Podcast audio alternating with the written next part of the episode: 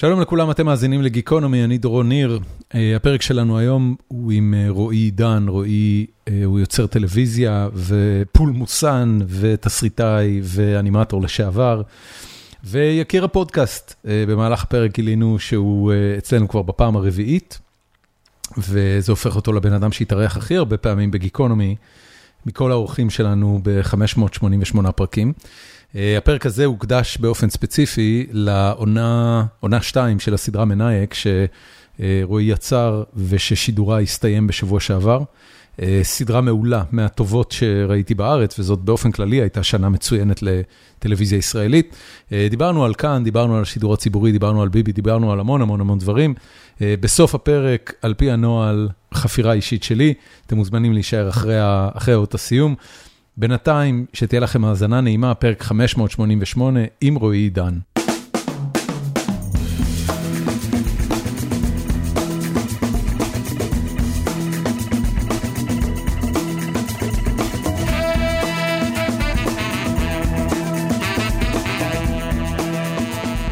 רגע, נולדתי מוכן. זה אחד המשפטים הקבועים שלך ביחד עם, הקשבתי לך לפודקאסטים בשבוע האחרון, יש לך משפט קבוע, אני מאהב לא, בדיוק, אני מאהב לא לוחם. יש לי כמה כאלה, כן. כן, מה עוד? מה עוד אתה זה? לא זוכר, יש לי כל מיני, יש לי סטוק כזה. אם יהיה אחד ככה תוך כדי שיחה שאתה זורק לי, אז רק, אתה יודע, make a point of it שאני אדע שזה גם בארסנל. קמתי היום בבוקר, עברתי על הטוויטר, קודם כל דבר ראשון קפץ לי הריב שלך על אם יאיר לפיד הוא סרבי או הונגרי. מה הסיפור? מה אכפת לך אם הוא סרבי או הונגרי? לא אכפת לי. אה, אוקיי. זה בהקשר של זה שמתחילה מלחמה בסרביה, ויש לנו ראש ממשלה ממוצא סרבי. זה דחקה, נכון? זה לא באמת משנה.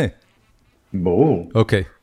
הכל בסדר, כי לרגע, זה בסדר, אבל ענית לאנשים ברצינות, כי התחילו להגיד לך אבא שלו הונגרי וזה, והתחלת ממש לענות להם. ניסה את זה בסרביה, זה היה אולי הונגר, נכון שגרים שם, ב-20 שנה שההונגרים שלטו שם, הם החדירו לשם הרבה הונגרים, אבל סרבי לגמרי. זה בסדר, אבל אני רק רוצה להבין, התחלת בהטרלה. זאת אומרת, זה התחיל בהטרלה. המשיך גם כהטרלה. הבנתי. אז אנשים פשוט לא הבינו, רבו איתך ברצינות, האם הוא סרבי, כאילו התגובות שם היו סופר אמוציונליות. סתם אנשים קומפנים. הבנתי. זה לא נקרא ריב. אוקיי. תקשיב, כמה זמן עבר מאז שהסתיימה העונה של מנאייק? שבוע. שבוע. שבוע וקצת, כן. לא, שבוע בדיוק האמת, אתמול שבוע. איך זה מרגיש כאילו בשבוע הזה? כי שבוע לשבוע אני מניח שיש pattern קבוע שאנשים שואלים אותך מה יקרה ומה יהיה וזה ופה ושם, אבל עכשיו זה נגמר, ומה עכשיו?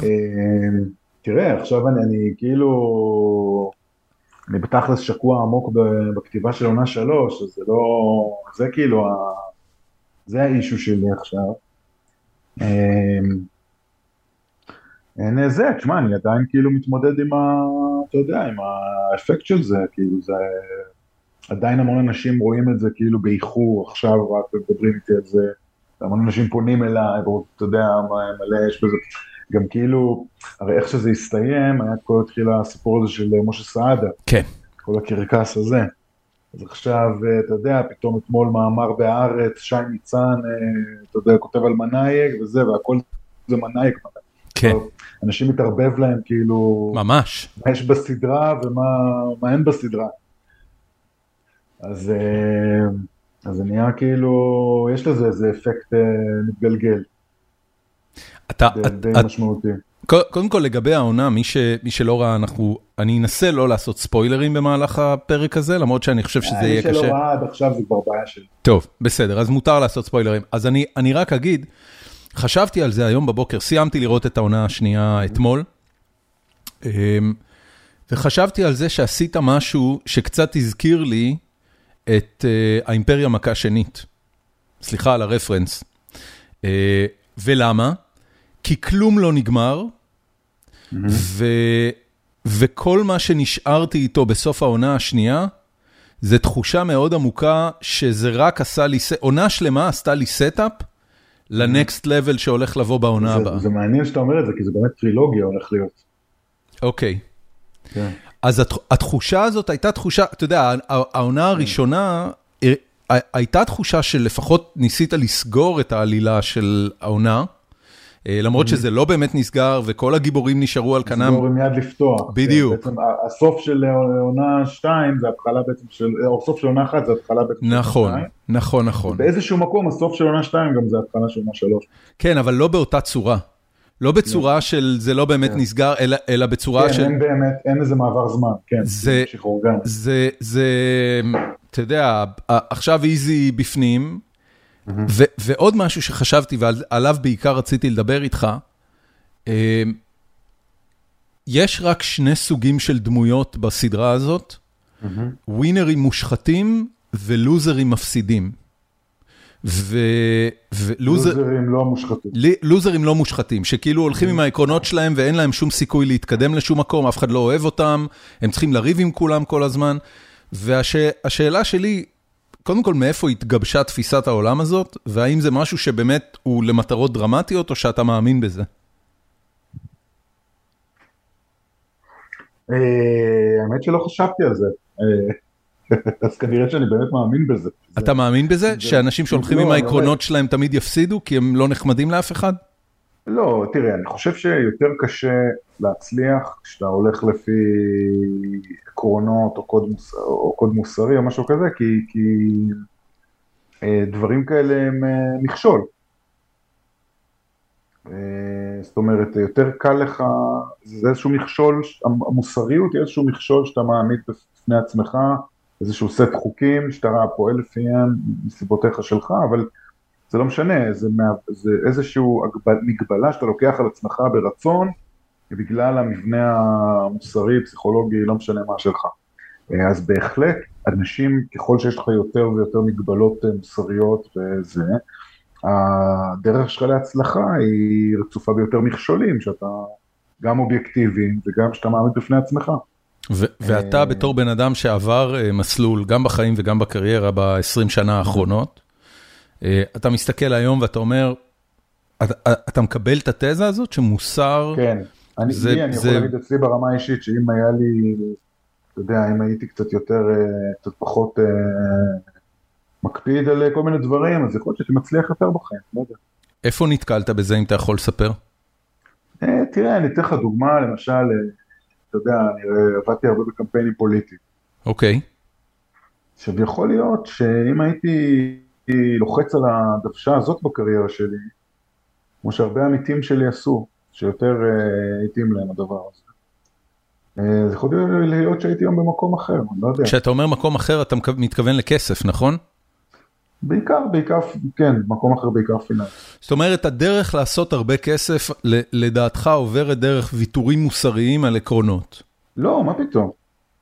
זה לא, מה זה ויתורים מוסריים על עקרונות? תראה, ברור שהרבה, שקשה לנהל עסק, אני לא צריך לספר לך, זה קשה לנהל עסק, אתה צריך לפעמים, נקרא לזה לשקר, למכור דברים לאו דווקא אמיתיים תמיד למשקיעים, לעובדים שלך, כדי להצליח. אתה צריך לפעמים להיפטר מאנשים. עכשיו, זה, זה הכל דברים מאוד לא נעימים, שהם לא נעימים לאף אחד, כאילו אין הרבה אנשים שנהנים מדברים כאלה. אבל מי שנהנה מדברים כאלה, יש לו, או, או שהם לא מזיזים לו בכלל, יש לו איזשהו יתרון מובנה בעולם העסקים, בעיניי, בהחלט, אתה יודע, יש להיות בן אדם, מה שנקרא unscrupulous באנגלית, בעולם העסקים, זה באיזשהו מקום יתרון, להיות פסיכופת. בוא, בוא, בוא נפרק את זה שנייה, כי אני, אני, זה, זה נורא כמו מעניין. גם בפוליטיקה. כן. זה נורא מעניין בעיניי. בפולי... תראה, בעסקים, אני מבין היטב מהעולם הסטארט-אפיסטי שאני בא ממנו, אני מבין היטב את העניין הזה שיזמים, בגלל שיש להם תוכנית, יש לנו תוכנית לבנות מוצר, ללכת לשוק, לעשות מהמוצר 100 אלף דולר, 200 מיליון דולר במהלך חמש שנים הקרובות, אוקיי? יש להם תוכנית, הם מתקשרים את התוכנית למשקיע ואומרים, אם תשים פה כסף, זה יקרה. במובן הזה אני, אני רואה הבדל מפוליטיקאים, כי פוליטיקאי שנותן הבטחת בחירות למשל, הוא לא נותן את ההבטחת בחירות הזה ואומר, חבר'ה, תראו, אם, אם כולכם תיתנו לי את הקול שלכם ואני אקבל 120 מנדטים, אז זה מה שהולך להיות, כי זאת הדעה שלי. יש מידה מסוימת של ריאל פוליטיק, שאומרת, אוקיי, אבל אני מפלגה של עשרה מנדטים, אין שום סיכוי שאני אוכל לממש 90% מהדברים שאני אומר לכם. אתם יודעים את זה, אני יודע את זה, אבל אף אחד לא ידבר על זה בקול רם כרגע. שם לדעתי העסק נהיה שונה בין עסקים לפוליטיקאים. כי בעסקים, אם יש לך את הכסף, אתה עושה execution לתוכנית ואתה אמור להגיע לתוצאות. או שכן או שלא. סבבה, דברים יכולים להשתבש בדרך. אדם נוימן האמין בתוכנית שלו. כן. אוקיי, כן. אני בטוח שהוא האמין בזה. אני לא בטוח, אבל אני בטוח שהוא תקשר אותה כאילו הוא מאמין, זאת הנקודה שאתה אומר פסיכופטים. כמו שג'ורג', מה זה פסיכופטים? זה לא שהם הולכים לרצוח אנשים. לא, לא, לא, לא, ממש לא, פשוט מנותקים, כן. או להאמין במה שהם יודעים שהוא שקר וככה לתווך את זה, אתה יודע, ג'ורג' קוסטנזה אמר ש-it's only a lie. If you don't believe it. If you don't believe it. אז, אז, אז, אז או שהם מסוגלים לשכנע את עצמם בשקר ולתקשר את זה ככה לזה, או שהם מסוגלים פשוט לשקר שזה אחלה טאלנט, כאילו... איזה אחוז מהפוליטיקאים שעבדת איתם עונים להגדרה הזאת? אני חושב שכולם, לכל הפוליטיקאים, יש, אני חושב, כדי להיות פוליטיקאי מקצועי, שזה המקצוע שאתה בוחר לעצמך בחיים, ולא שהתגלגלת לזה בכל מיני סיבות, אתה צריך להיות קצת פסיכי. באמת? כן, כן. אתה בהחלט צריך שיהיה לך איזה מרכיב נרקסיסטי. נרקסיסטי אני לגמרי יכול להבין. על גבול הסוציופטי. אבל כן, אוקיי. נתקלת פעם במישהו שהוא לא היה כזה? יש כל מיני דרגות שונות של זה, אבל בכולם יש, גם נגיד, נתקלתי לאחרונה וחשבתי שהוא לא כזה, אבל גם הוא קצת כזה בתחת. אבל אוקיי. כולם קצת כאלה, כולם קצת כאלה, כי זה מגיע מאיזה מקום, אתה יודע, זה צריך, אתה צריך, בשביל להאמין שאתה יותר טוב מהאנשים מהמוני הפלוואים שמסביבך, וכך שהם צריכים לבחור בך כדי להוביל אותם אל האור, אתה,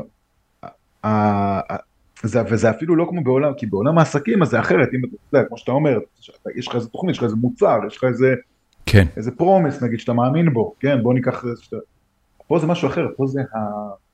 מה שאתה מוכר להם זה את זה שהם צריכים לתת לך את הכוח להוביל אותם אל עתיד טוב יותר. כן. ממש להוביל אותם, זאת אומרת לא להשקיע עכשיו באיזה מוצר שלך, ממש להוביל אותם, וכבר בשביל, ה... בשביל, הדבר, בשביל להיות מסוגל כאילו למכור את הדבר הזה, אני חושב שאתה חייב שיהיה לך איזה משהו שגובל בהפרעת אישיות כזאת או אחרת. אתה יודע, זה מעניין שאתה אומר את זה, אני חווה עכשיו פוליטיקה אמריקאית, ספציפית בטקסס. שם בכלל, שם בכלל. אז אני אגיד לך משהו אחר, בטקסס ובארצות הברית באופן כללי, זה היה נכון גם בקליפורניה, זאת אומרת זה לא חריג, יש הרבה הרבה הרבה יותר דיבור על העניין של public servant ו-public service. זאת אומרת, האדם שמיועד להיבחר לא מציג את עצמו בתור אני משה רבנו שיוציא אתכם מעבדות לחירות, או יגאל אתכם מהחיים הגרועים שלכם, אלא חבר'ה, אני רוצה לשרת אתכם הכי טוב שאני יכול, כן. נכון, נכון, זה מאוד... אבל בעצם הוא רוצה שייתנו לו את הכוח. זה נכון, זה נכון. זה משהו סמנטי. נכון, נכון, מעניין. זה ה understatement האמריקאי. נבחר, נבחר פה בעיר שאני גר בה, נבחר ראש עירייה חדש לפני, לפני איזה חודשיים, שלושה, mm-hmm. והסתכלתי בחומרים של, ה, אתה יודע, של, ה, של המצע שלו. Mm-hmm. שמע, כזה כלום בפיתה לא ראיתי בחיים שלי. כלום, כלום, כלום בפיתה. זאת אומרת, פחות או יותר... רק תנו לי להיבחר ואני אמשיך להפוך את המקום שאנחנו חיים בו למקום שאתם נהנים לחיות בו. זה פחות או יותר היה הסיפור. כן, כי הדיפולט של ארצות הברית, בטח במדינות שיש להן כסף ולצד זה הן נהנות מ... אז הדיפולט הוא שהמנהל הוא תקין. אתה מבין? יכול להיות. אבל אני בטוח, תקשיב, אני בטוח שיש פה שירקס בדיוק באותה מידה, עם המפקח של המשטרה, ועם השיט הזה, ועם הקבלן של הפינוי עבודות. זה יכול להיות, אבל בסוף בתור אזרח, לך יש א', הרבה יותר חירות, נכון, בטח כלכלית. כן, כן, כן. גם, גם לא מדובר בכאלה תקציבים גדולים, כי אין להם כל כך הרבה מיסים. כן, אין להם, אין להם כסף, זהו, וגם, וגם, ובדיוק, אז אתה נהנה גם מחירות משופרת, כן. בעיקר כלכלית, וגם יותר כוח להשפיע על המסגרת הפוליטית שמשפיעה הכי הרבה על החיים שלך. כן, כן, כן, זה נכון, זה נכון. העיר, עשיתי, לא יודע, מה יש לכם שם קאונסל, או מה שזה לא יהיה, או... מה שזה לא יהיה, מועצה, כן, אני מניח. הם באמת משפיעים בצורה מהותית על החיים שלך, זאת אומרת... הם גם לא, זה, זה קטע מעניין, המועצה... אתה יש לך כוח, ויש לך כוח שם. נכון. כאזרח. אני, אני חושב שגם בארץ, חברי מועצה לא מקבלים כסף, נכון? זה כאילו... לא מקבלים. לא מקבלים. רק סגני, רק סגני ראש. כן, מעניין. כן, זה... בארצות הברית אבל זה תלוי, פשוט אם זה עיר קטנה אז הוא... נכון, נכון. תגיד לי, בבחירות האלה אתה הולך לעשות משהו עם מישהו? לא, אני הייתי אמור לעבוד עם יאיר לפיד, אבל נאלצתי בצער רב ממש לוותר על זה, כי אין לי זמן פשוט, אני כותב תונה שלוש, ויש לי עוד זמן. למה אתה אומר בצער רב? הוא לא המיליה הפוליטי שלך. לא, מה זה משנה, בחירות.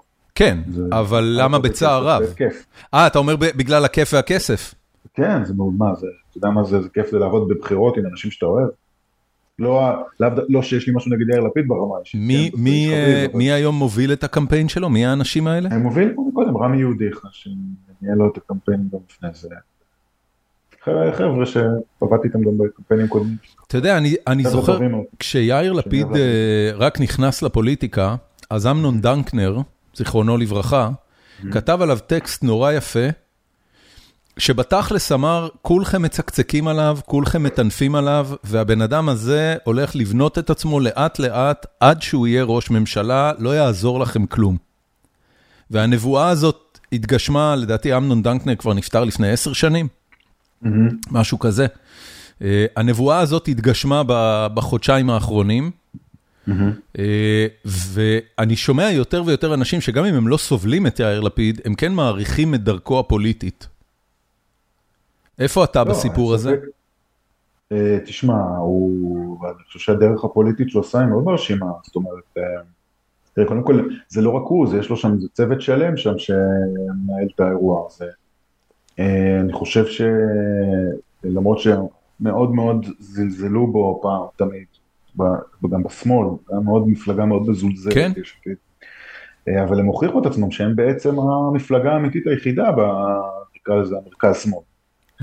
ועדיין... הם קודם כל הקימו, הם קודם כל הקימו מפלגה אמיתית, חוץ מהליכוד זו אולי המפלגה האמיתית היחידה שיש בארץ. כן, אתה לא, אתה חושב שהעבודה כבר מפוררת לגמרי? זה בדיחה. וואלה. צל חיוור, אבל יש עתיד זו מפלגה אומנם לא דמוקרטית, שזה דבר, אני לא סובל, כן, שזה ממש מפלגה דיקטטורית פר אקסלנס, על גבול הפשיזם, כן? לא באידיאולוגיה בהכרח, באיך שהיא מתנהלת. אבל מצד שני, סופר מסודרת, אתה יודע, פעילים בכל הארץ, מטות, עובדים מסודר. למה אתה חושב יאיר לפיד לא רואה את העניין הזה ולא הופך אותה לדמוקרטית? האמת היא שאפילו היה לי איתו שיחה על זה פעם. תראה, אני חושב שהוא רואה את ה... כמו הרבה אנשים, ואני ביניהם לפעמים, הוא רואה את, מער... את, את, את המערכת של פריימריז כ... כסיכון.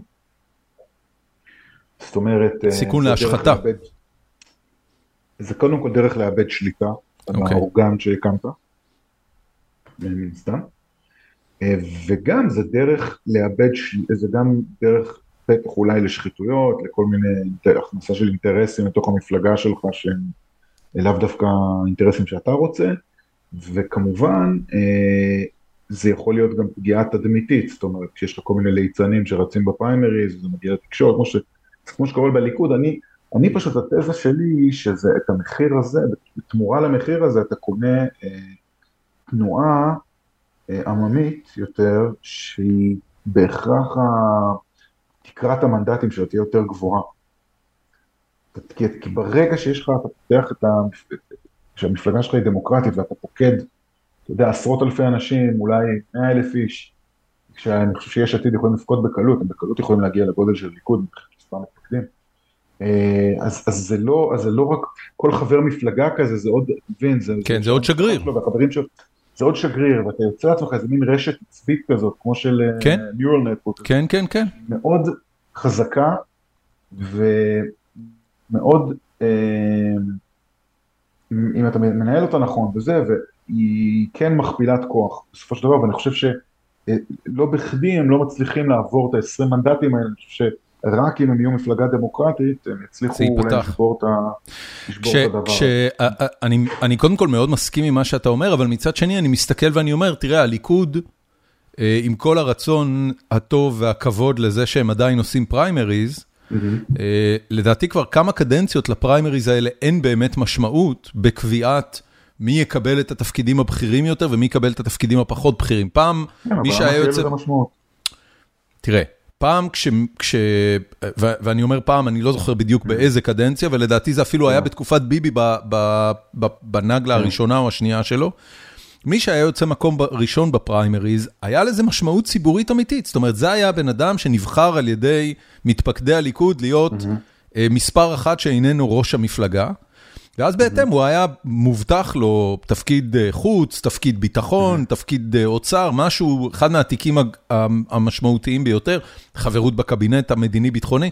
הדבר הזה התפורר לגמרי במערכות הבחירות האחרונות, ואנחנו רואים שכל מה שנשאר זה מה ביבי רוצה, והפריימרי זה, זה קובע מי נכנס או לא נכנס לכנסת, אבל זה לא קובע שום לא, דבר מעבר לזה. קובע מי נכנס או לא נכנס לכנסת זה דבר חשוב שזה קובע, אה, זה גם, אבל, אבל שוב, זה, מה שאתה אומר נובע מאיזשהו מקום של שוב הבלבול הזה שיש לנו במדינת ישראל בין אה, רשות מחוקקת לרשות מבצעת. אוקיי, זאת אומרת, אני לא חושב שאני רוצה שהזהות של השרים שלי, בטח שרים אה, חשובים, אה, תיקבע על פי המקום שהם הגיעו בפריימריז במפלגה שהם רצים בה.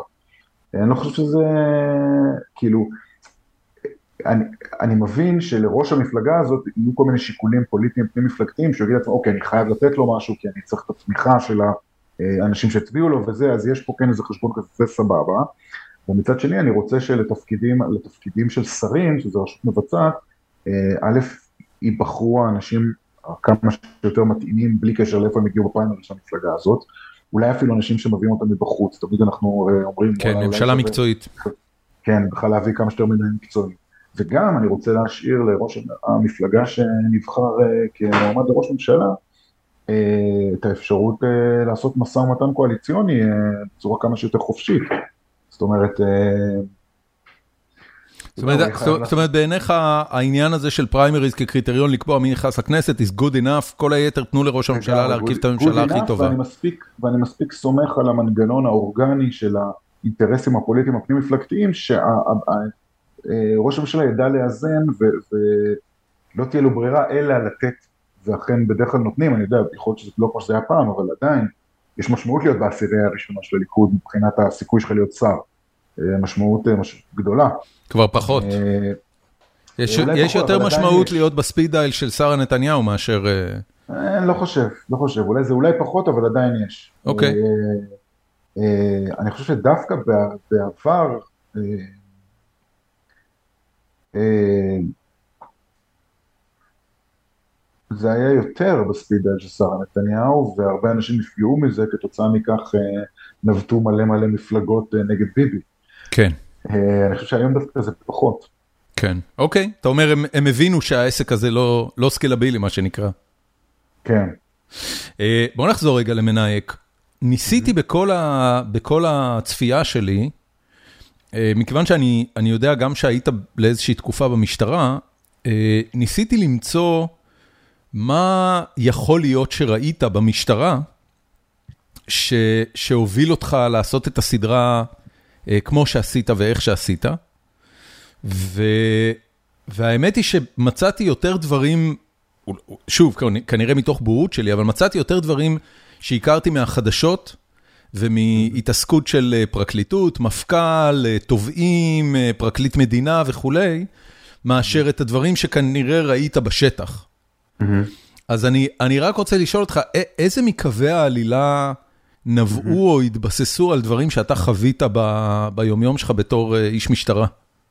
אז תראה, זה פחות, קו- למרות שיש גם, תכף אני אגיע לזה, יש גם קווי עלילה, אבל זה פחות הקווי עלילה, אני השתמשתי פשוט בחוויה שלי כאיזה תחקיר שכביכול עשיתי בדיעבד, זאת אומרת, ההיכרות האינטימית שלי עם המשטרה, עם שוטרים, איך שהם מדברים, עם איך שהם מתנהלים, איך שנראית תחנת משטרה, עזר לי להביא יותר טוב למסך את החוויה הזאת בצורה כמה שיותר אותנטית.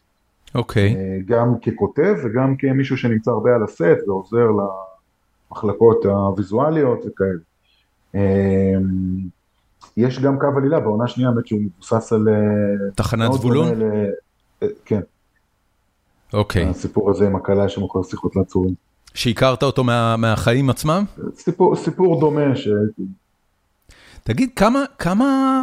עד לא. אתה יודע, בסופו של דבר הסדרה היא כולה על שחיתות משטרתית והיא כולה על מערכת היחסים המורכבת בין מח"ש לבין המשטרה עצמה. כמה, כמה פרשיות כאלה מתפוצצות בשנה או, ב, או בעשור? איזה פרשיות? פרשיות מקטן ועד גדול, משוטר שמוכר שיחות לכלוא ועד מפכ"ל משטרה שמעורב בחברת קנאביס בניגוד לחוק. אתה יכול לראות, אתה יכול לראות את הסיכומים השנתיים של מח"ש, לראות כמה תיקים, כמה הם הרשיעו, כמה זה. הם עובדים כל הזמן, זאת אומרת.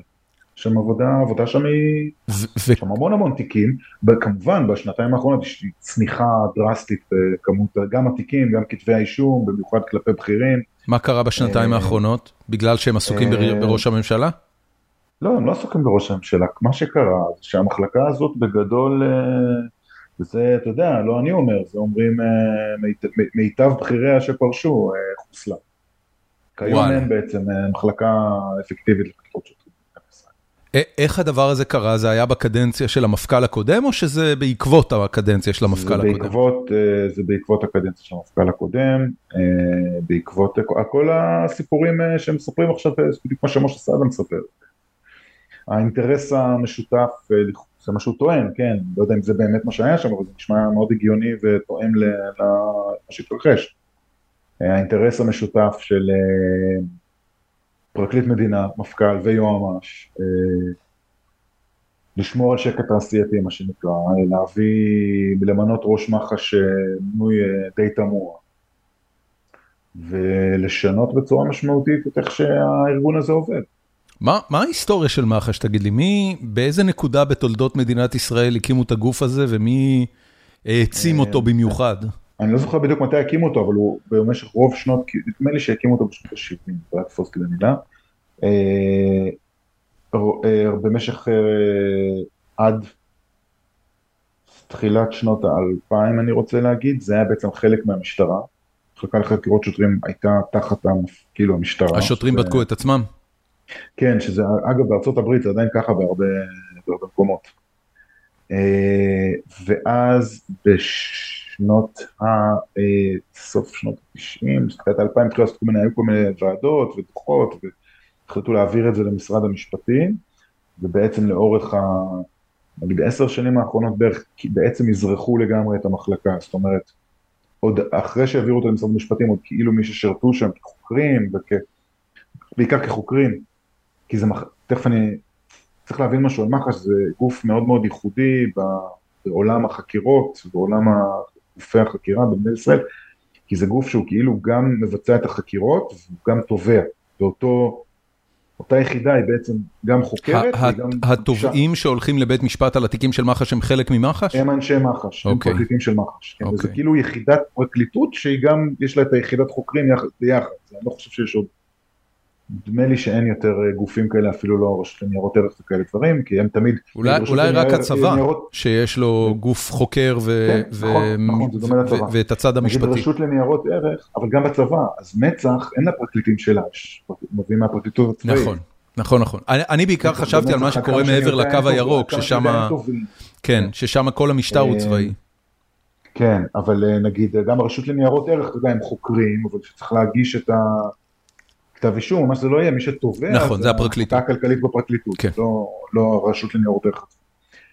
אז במח"ש זה ככה, אז, אז ואז מה שקרה בעשור האחרון, בעצם פחות או יותר, בעצם אזרחו לגמרי את המחלקה, זאת אומרת גם החוקרים שהיו פעם אנשי משטרה לשעבר, לאט לאט הופרשו, והחליפו אותם בעצם חבר'ה, אנשים אזרחים, שפשוט התגייסו, עשו קורס, כל מיני קורסי חקירות, ופשוט שירתו כחוקרים ב... משרתים כחוקרים במח"ש, לצד כמובן התובעים, שיש שם פרקליטים טובים שמשרתים שם בצד המשפטי של הדבר. אוקיי. אבל זה בגדול הסיפור. הבנתי.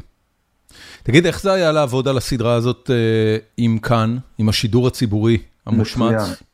באמת? כן, כן. ספר לי על זה. זה גוף, תשמע, זה קודם כל גוף שבגלל המבנה שלו זה מאוד שונה מאשר לעבוד עם גופים מסחריים, כי הם יודעים מה היה התקציב שלהם שנה הבאה, אין את כל השיקולים, ה...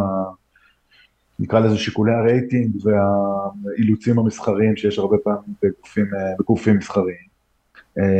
אז זה קצת יותר נינוח, ויש יותר זמן להתעסק באומנות וב... מה, מה, אם אין שיקולים מסחריים, מה בכל זאת השיקול? זאת אומרת, לפי מה... אין שיקול. תעשה מה שאתה רוצה, רק שיהיה טוב. מי קובע? זה, זה בדיוק השאלה. יש מחלקת דרמה, יש בתאגיד מחלקת דרמה, שעומדת בראשה אישה מאוד מאוד מאוד מוכשרת, שנקראת רוני פרי, שהייתה לפני זה ב-yes, אני מכיר אותה הרבה שנים, באמת, יש תוכן נדירה, והיא קיבצה שם צוות טוב תחתיה של רפרנטיות ויועצות תוכן כאלה, סליחה שאני משתמש בלשון נקבה, פשוט כולם בנות. אוקיי, נשים. נשים, כן. או לפחות מזדהות ככאלה. כן. אז, אז, אז באמת מאוד מאוד מוכשרות, מאוד ותיקות גם, וכאילו הרבה ניסיון, ו... אז אתה יודע, הם כותבים, הם נותנות פידבק. מצוין, אני חייב להגיד. אני עכשיו נגיד משכתב, כבר כתבתי חמישה פרקים. של עונה שלוש? כן, אז עצרתי הכל ואני עושה בגדול את מה שהם אמרו לי עכשיו. באמת... זה גם הולך להיות עשרה פרקים? כן. אני, ש... אני שמעתי באיזה פודקאסט שהדמות הראשית הולכת להיות אה, אחרת. מ... זה, זה לא בדיוק הדמות הראשית, זה פשוט, העונה הראשונה היא כאילו... מאוד איזי. מאוד איזי בייסט, העונה השנייה, למרות שהיא לא, זה לא אומר שהיא מופיעה יותר, יש לה יותר, דווקא היו לה פחות ימי צילום. נכון. אבל זה מאוד טל, מאוד יושב על טל. הסיפור של טל. ובעונה שלו זה מאוד יושב על ברק, זה הולך לשבת על ברק. אוקיי. שהוא שהוא הופך להיות בו זמנית גם, שוב ספוילר, מי שדלגו קדימה, אבל הוא הופך להיות בו זמנית גם ברק שאנחנו מכירים משתי העונות וגם מופעל של איזי. בעצם כן, בעצם הוא עובר, הופך להיות סוג של סוכן, סוכן סמוי, בתפקידו כברק המושחת, כן. ראשון, אבל בעצם מופעל על ידי, איזי מופעל על ידי מח"ש והפרקליטות. במטרה להגיע יותר גבוה. כסוכן, כי יש לו איזשהו קשר לתיקי ראש הממשלה, הוא יכול להביא להם, הוא טוען שהוא יכול להביא להם מידע על זה, אז, ומח"ש הם אלה שמפעילים אותו, וככה זה גם מתחבר כאילו באמת ממש לסיפור של חקירות ראש הממשלה. זאת אומרת שכאן רק ריחפו ברקע, בעונה השנייה עם יותר נוכחות. הנגיעה בתיקי ראש הממשלה, אם אני זוכר בעונה הראשונה היה רק אזכור אחד, או אולי שניים של ראש הממשלה. בעונה השנייה זה כבר, זה כבר כל הזמן ברקע, כאילו זה מרחף כל הזמן ברקע. אז העונה השלישית זה ממש כבר, לא נראה את ראש הממשלה, את ראש הממשלה, אבל זה כבר ממש על זה. אני רק אשאל אותך, העניין הזה של, אתה יודע, בפרקליטות הם כל הזמן מוותרים על תיקים קטנים בשביל ללכת על מטרה גדולה יותר. יש כאילו את הדינמיקה הזאת, אנחנו חוקרים, חוקרים, מגלים, אוקיי, הופה, יש שחיתות, יש... אישרה, צריך לתפוס אותו, צריך להוריד אותו, אבל אז אתה מגלה שבעצם מאחוריו... כן, אבל ככה אתה, זה לא הפרקליטות, זה, תראה, זה יותר עניין של החקירות. כשאתה חוקר, אתה תופס סוחר סמים עכשיו, זה קטן. כן. אתה מנסה להבין אצל מי הוא עובד, איפה הוא קונה, אתה מביא את הסמים שלו. ואז אתה תופס את הבן אדם שמעליו, אתה כבר מבין, רגע, איך הוא מלבין הון, איך זה, אז כבר... תמיד יש דג יותר גדול, כאילו, שאתה יכול לתפוס, זה הרעיון. כשהדג הכי גדול זה כאילו ראש הממשלה. וזה זה, זה משהו ש... אני, אני רק אשאל, מעבר לזה שהיא תמה דרמטית מצוינת, ונורא כיפית אה, אה, לצעוד בה, אה, יש איזה מין תחושה כזאת, שאתה יודע, אנחנו, ב, ב, כשאנחנו צופים בסדרות דרמה, אנחנו מחפשים את ה-evil. וכל הזמן נדמה לנו שאנחנו נתקלים ב-evil, וזה ה-absolute evil, זה האיש הרע, אנחנו נלך עליו, ברגע שנתפוס אותו העולם יהיה טוב יותר. וכל פעם מתגלה שיש משהו יותר גדול, יותר מושחת, יותר מזוהם מאחוריו, והתחושה שלי לפחות בצפייה בסדרה, היא שזה רק נהיה רע יותר. זאת אומרת, אתה גומר, אה, יש, אתה מתכנן קתרזיס באיזושהי נקודה? אני ממש כאילו לא רוצה, אבל אה, הרבה אנשים כאילו אומרים לי שאני צריך, אז אני אולי אעשה את זה, לא יודע. מאיפה מגיעה התפיסה הזאת שבעצם אין קתרזיס, שהרוע קיים בעולם? בחיים אין קתרזיס. יש לפעמים קתרזיס, אתה יודע, טראמפ הודח, היה קתרזיס. אחרי כן, כל השיט שואו. ייבחר שוב ב-2014. אז, אז אנחנו נתחיל מההתחלה, אתה יודע, אז אתה פותח קו עלילה חדש. סדרה היא מתמשכת. אבל, אבל תקשיב, לפחות ברמה הזאת, אני יכול להגיד לך, כשטראמפ הודח, ועכשיו בוודאי עם כל הדיונים על, אה, על הפשיטה על הקפיטול וכל החרא הזה, אה, יש תהליך מאוד משמעותי של זיכוך שעובר על האומה האמריקאית מהשיט של, ה, של הבן אדם הזה. אה, אתה חושב ככה? אני חושב שיש תהליך מאוד גדול של אשליה של זיכוך בקרב מיעוט קטן. יכול להיות, ב- יכול להיות, אני, אני לא אפסול את זה בשום אופן. ואמריקה היא, אתה יודע, על סף אה, קריאה לשתיים. זה אני יכול להגיד לך בטוח שלא. אני, אני עוקב אה, בעניין אחרי הפיד הפוליטי בארץ, ואני רואה את נבואות הזעם לגבי ארצות הברית וההתרשמות החיצונית לגבי מה שקורה בארצות הברית, ואני רק אגיד בעניין הזה, אה, בתור מישהו שחי בארצות ו- וקורא וסופג את הפוליטיקה האמריקאית כל יום, אה, נבואות הזעם מרגישות לי מאוד מאוד מאוד מופרכות. הן מרגישות לי, בתור מישהו שחי בארצות הברית, הן מרגישות לי ברמה שאתה תשב בישראל ותקרא אה, מתנגדי חיסונים ו-flat earth, אה, כן. אה, אין, אין שום דבר כזה בארצות הברית. ארצות הברית היא מדינה שיושבת על תשתית כל כך חזקה מבחינה תרבותית של שפה, מטבע, אתוס משותף וכולי, שמפומפם דורות קדימה לכל תלמידי יסודי, אה, חטיבת ביניים ותיכון. זה לא, זה לא מרגיש לי אה, נכון. לדעתי כל אחד מה, לדעתי כל אחד מהפריטים שמנית עכשיו נמצא בסכנה, בצורה כזאת. fair enough. fair enough. המטבע, השפה, האתוס. כן. אה, על, על מה אתה מבסס את ההנחה הזאת? אה, קצת על איך שזה מרגיש לי. אני צורך מלא, מלא חדש, כאילו, אבל חדשות מראש. הם, הם, אתה יודע, לא, לא, משדרות תחושת חירום. אני גם, אתה יודע, אני מכיר טוב את אמריקה. בטח. גדלתי שם, כאילו, משהו שם משתבש, משהו שם משובש. גם רואה, יש לזה כל הזמן סימנים. מה למשל? המצב לא יודע, עכשיו הקטע הזה של השיא השלילי בגיוס לצבא שם, כן. מטריד, זה נתון, אה, זה נתון מטריד ברמה האמריקאית או ברמת כן. ארצות הברית כשומר החופש והדמוקרטיה בעולם? ברמה האמריקאית וברמה של, אתה יודע, אני בעד הסדר הפקס אמריקני. מוטרד מאוד שהוא, אנחנו חוזים בו בימים אלה ממש, הולך ונעלם. אני לא יודע אם הוא נעלם, אתה מתכוון למה שקורה עם פוטין? הולך, מה שקורה עם פוטין, מה שקורה עם סין, מה שקורה... אתה, ב- אתה לא חושב שמה. שקורה עם פוטין רק חושף עד כמה רוסיה היא מדינה מפוררת וחסרת עוצמה צבאית? רוסיה, ש... למה אתה חושב שאוקראינה מנצחת אותה עכשיו? תראה, המידע העיקרי שלי על הסכסוך שם מגיע מחברנו יאיר נבות, אה, יגאל ליברנט ושלום בוגוסלבסקי. אה, זה לכל היותר מוצג כמו תיקו, וברמת האבדות זה נשמע שרוסיה חטפה הרבה יותר. אני לא יודע, לגבי רועי- האבדות, רועי לא מהנהן לא- לא בראשו. לגבי האבדות אין לי מושג, אני גם לא יודע אם זה רלוונטי, כי הם לא בכלל באותו, אתה יודע, הם לא סופרים כמונו ולא אכפת להם כמונו מהאבדות, אבל אני לא חושב שזה תיקו בכלל, אוקיי. לצערי, כן, אני... זאת אומרת, אתה חושב שבסופו של דבר אוקראינה מפסידה, רוסיה הולכת אני להשתלט חושב עליה? שאוקראינה, מה זה, אוקראינה הפסידה כבר בענק. הבנתי, אוקיי. קודם כל, טריטוריאלית, שליש מהמדינה שלהם אה, כרגע דה פקטו כבוש על ידי רוסיה. נכון. הם במלחמה שריסקה אותם כאילו כלכלית. אה, רוסיה שורדת בינתיים כלכלית לא רע ואף מצליחה ל... לשפר את הפוזיציה שלה מול המערב. אבל, אבל זה לא. מתקרב לתחזיות הקודרות שהיו על זה שתוך שבוע, שבועיים רוסיה תכבוש את כל אוקראינה, שאין שום סיכוי לאוקראינה. לא מי נתן את התחזיות האלה, אבל אני לא יודע אם רוסיה רצתה לכבוש את כל אוקראינה, אבל אה, אני יודע שאת החלקים שהם ממש רצו לכבוש הם כבר כבשו. הבנתי, זאת אומרת, אתה, אתה מסתכל ואתה אומר. אוקיי, פוטין פה מנצח. אה, לי נראה שמה זה מנצח, גם אין לו, אתה יודע, זה לא כוחות, זה גם אני לא רואה שהמערב מתגייס, קודם כל יש לו מנוף לחצים מטורף על מערב אירופה, אה, המטופשת, שתלויה בו, ולא, בגלל זה לא מספיק, ולא מספיק עוזרים ל... יש לו גם מנוף לחצים על ארה"ב, בגלל אומנם פחות, אבל עדיין יש לו אמירה. ועם הדיל האיראן, כאילו.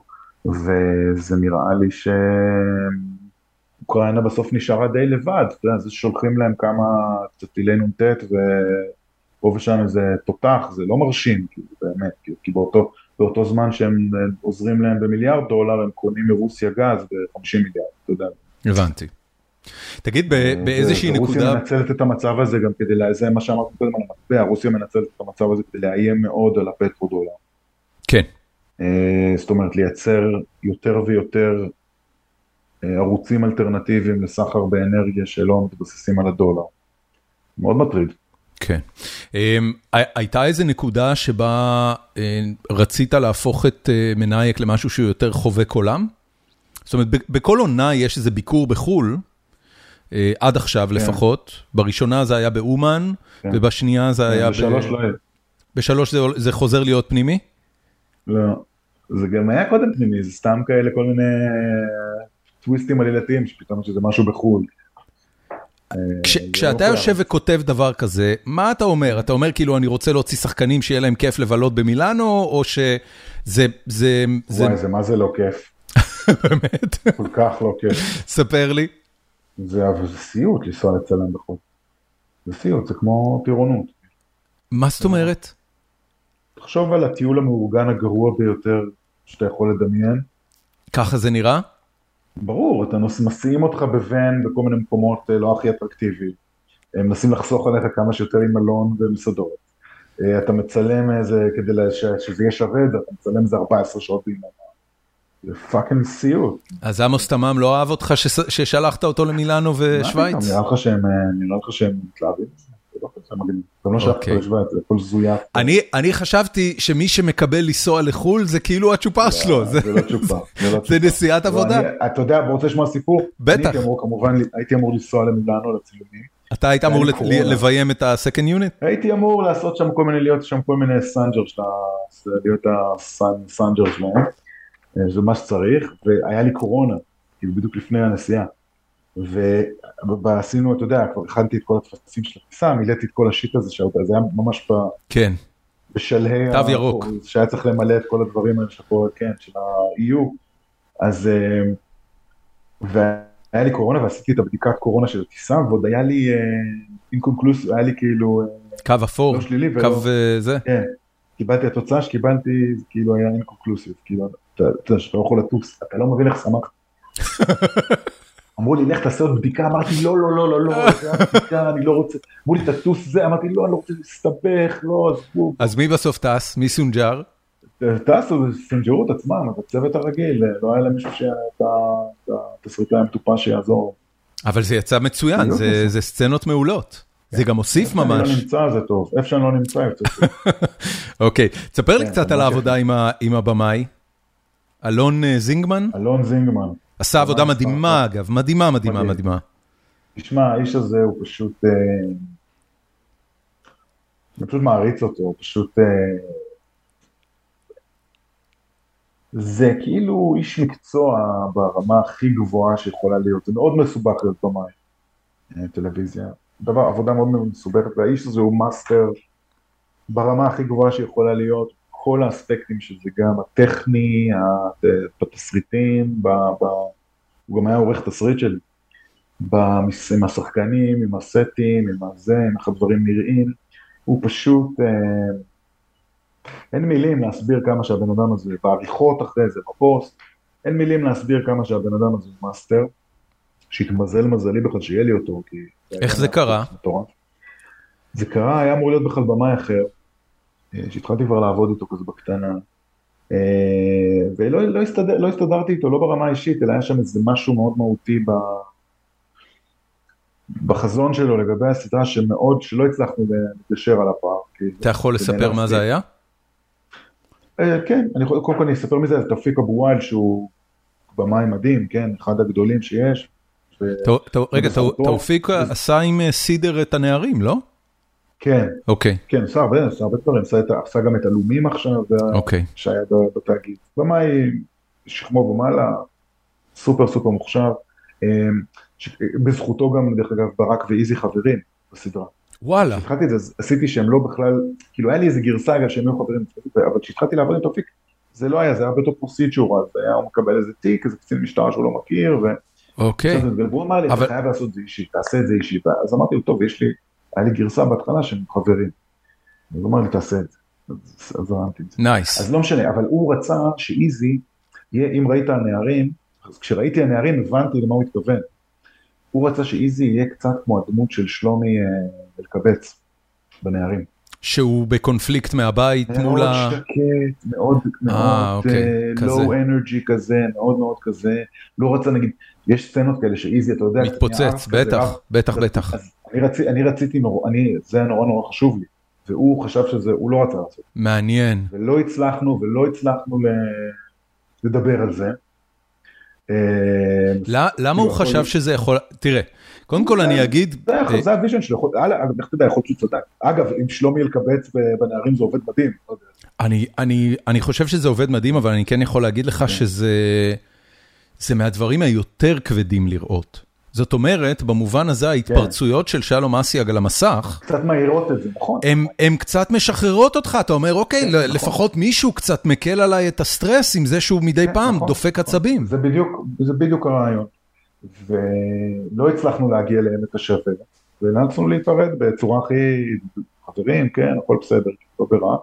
גם לא עבד, זה לא היה לאיזה חודש בעבודה הזאת ביחד, זה לא שכאילו... ונאלצנו להיפרד כידידים. זאת אומרת, זה היה בעיניך עילה ממש כן, לפרק לא מערכת יחסים עם במאי? תראה, אני דווקא בן אדם שמאוד מקשיב לאנשים שאני עובד איתם לבמאי, וזה היה דבר נורא נורא עקרוני שהרגשתי שהסדרה תהיה פחות טובה בגלל. אגב, יכול להיות שטעיתי, אני לא יודע, לדעתי, אני חושב שצדקתי. אני חושב שמאה אחוז צדקת, ואני חושב כן. שכשהסדרה תצא לעולם, אתה גם תראה שהיא תביא יותר רייטינג בטריטוריות הספציפיות מהנערים של HBO. יכול להיות. אז עשית, אז אני, זה הרגיש לי כמו משהו מאוד מאוד מהותי, מאוד, גם, אתה יודע, בלב הדברים, כאילו, שאני לא יכול לוותר. כן. לא מסוגל. ונאלצנו להפריד כוחות, בצורה הכי... סבבה. זה מוזר שדבר כזה הופך להיות deal breaker בינך לבין במאי, לא? למה? זה, אז מה אתה רוצה שיהיה deal breaker? אמ, דבר סופר חילוקי דעות אומנותיים ברמה הכי בסיסית של הסדרה. כן.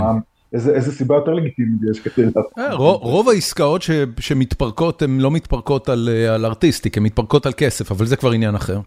לא, לא, לא דיברנו איתו אפילו, זה רק, רק התחלנו כזה לעבוד על התסכית, זה היה מאוד אה, בשלב אה, ראשוני, זה, זה לא שכאילו כבר עשינו איזה כברת דרך נורא ארוך, כן, עשיתי איתו כמה כן, פגישות, כן, זה עוד לא, אוקיי, אוקיי. זה עוד לא, הוא, תראה, הוא בן אדם שאני, אני זוכרתי, כשבראתי בצלאל, ראיתי יש לו, הוא עושה סרט עטש, צמאון, אוקיי. סרט אחד המרהיבים שנעשו בארץ, ממש, כאילו, אני חושב שראיתי את זה בבצלאל, זה המוח, ותופיק זה בן אדם שאני.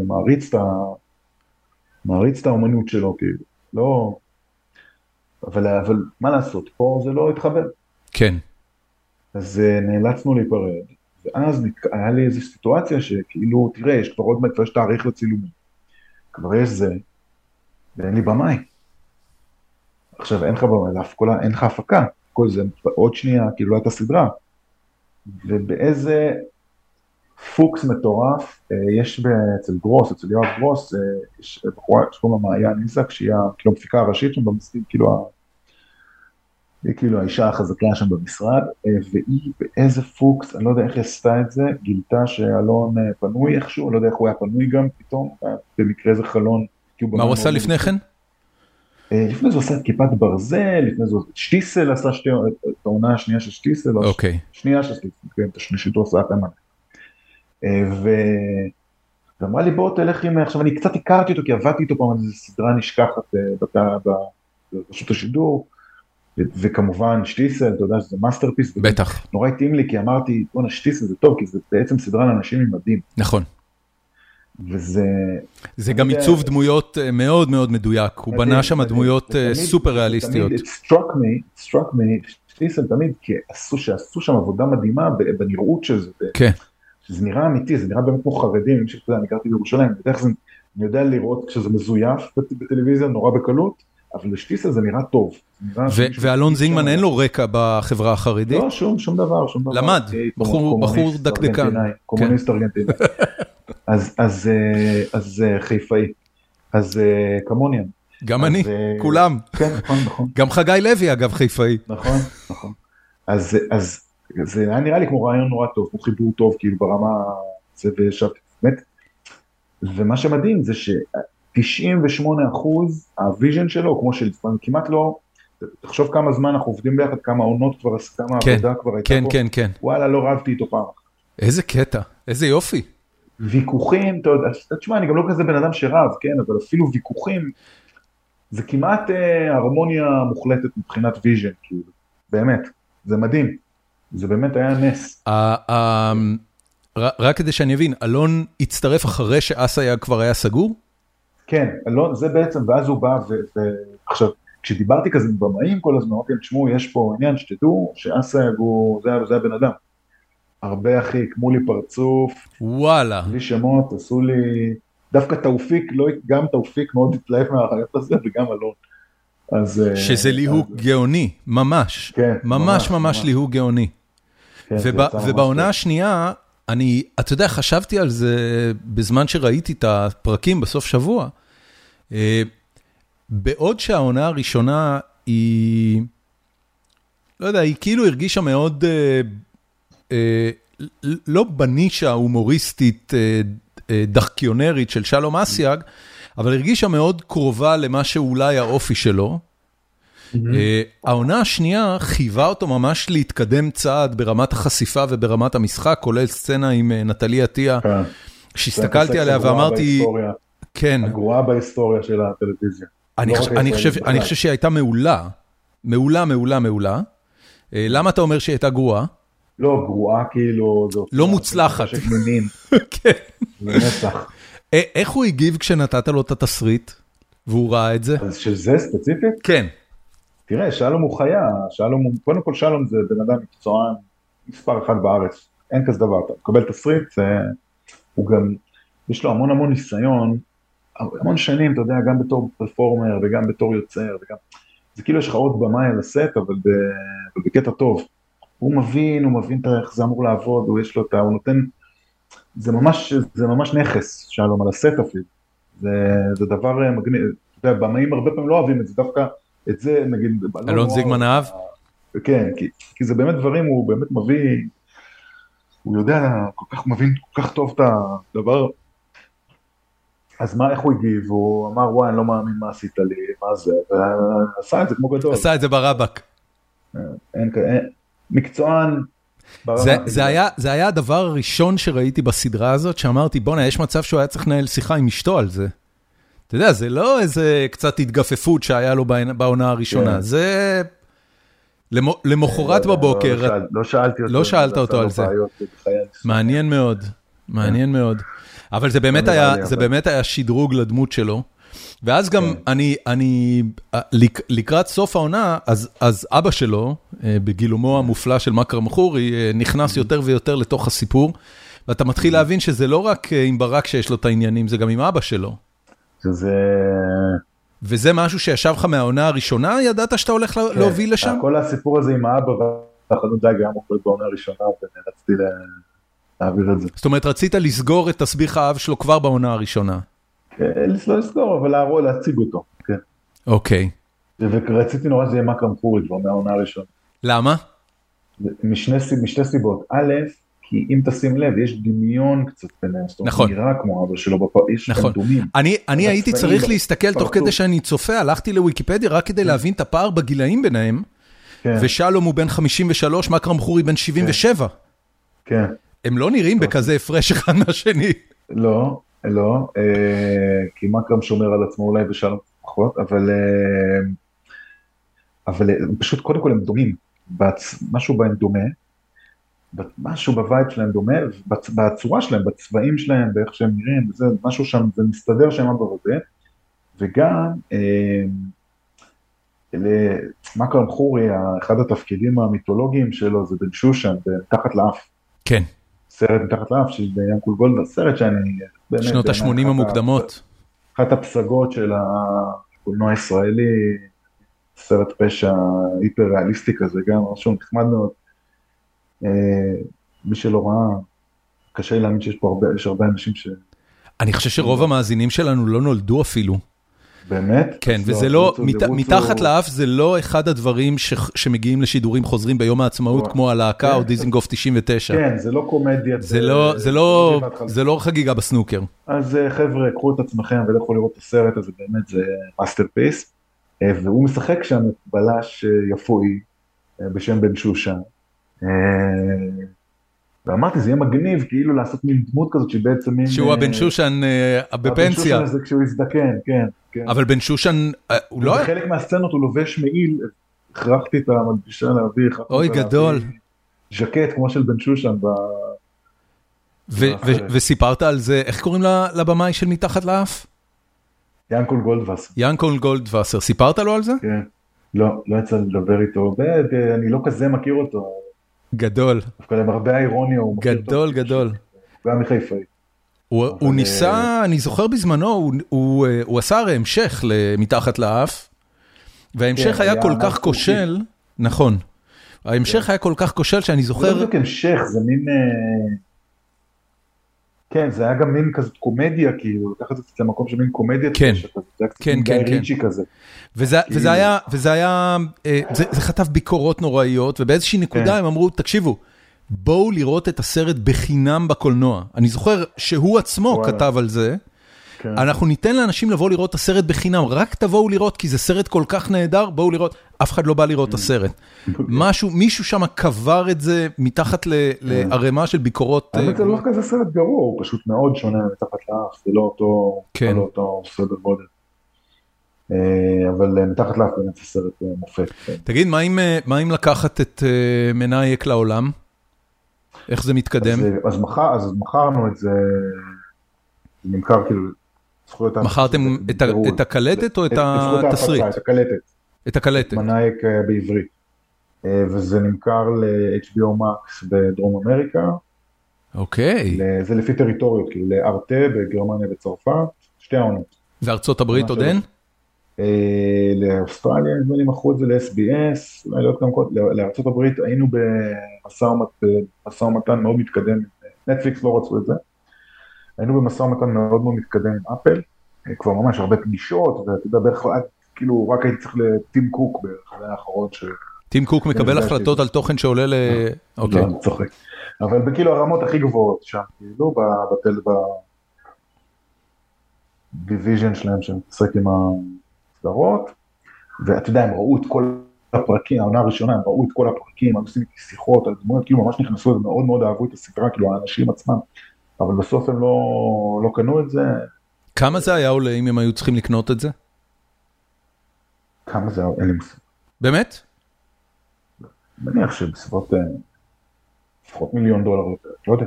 אוקיי, זה מה שעולה אה. זכויות הפצה היום בעולם? לארצות... לא, לא זכויות הפצה, זה מה שעולה לקנות אם אפל רוצים לקנות את זה.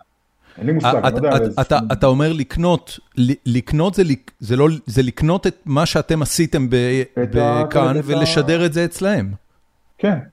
אוקיי, אבל אם הם... לא הפצה, הם קונים את הקסטה ונדמה לי שבחברות אמריקאיות הם קונים גם בעצם את הזכויות הרימייק. אה, אוקיי. יש שם כל אוקיי. מיני סוגים של עסקאות, אין לי מושג, גם אני לא יודע איזה סכומים אה, מדובר, כי בסוף זה פשוט לא קרה. אה, אתה יודע, הוא אמר... מישהו דיבר איתך על לקחת את התסריטים ולאבד אותם לטריטוריה לא, מקומית? זה, לא, זה, אה, אני לא בטוח אפילו שבעצם מי שמנהל את זה זה חברת הפצה, זה כאילו out of our hands.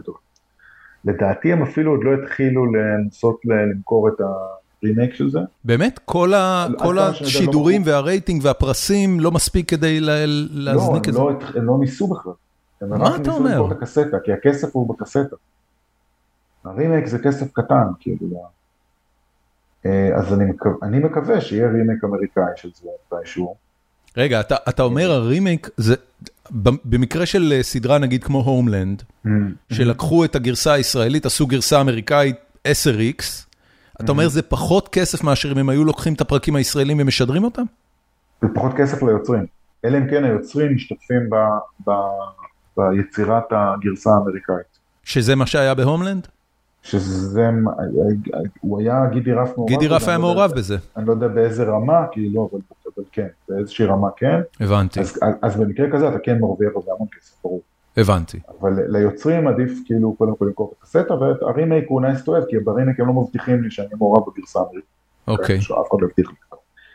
אה, אבל אני, יש לי חלום שזה יהיה לזה גרסה אמריקאית, ושמי שישחק את איזי זה דייב שאפל. וואו, all right. הוא עשה פעם דרמה? לא, אבל לדעתי הוא יכול לעשות. אבל דייב שאפל, אתה אומר, מה reference של הסטנדאפ של שלום אסיאג שעובר לתפקיד דרמטי? זה סטנדאפיסט מה nineties ש...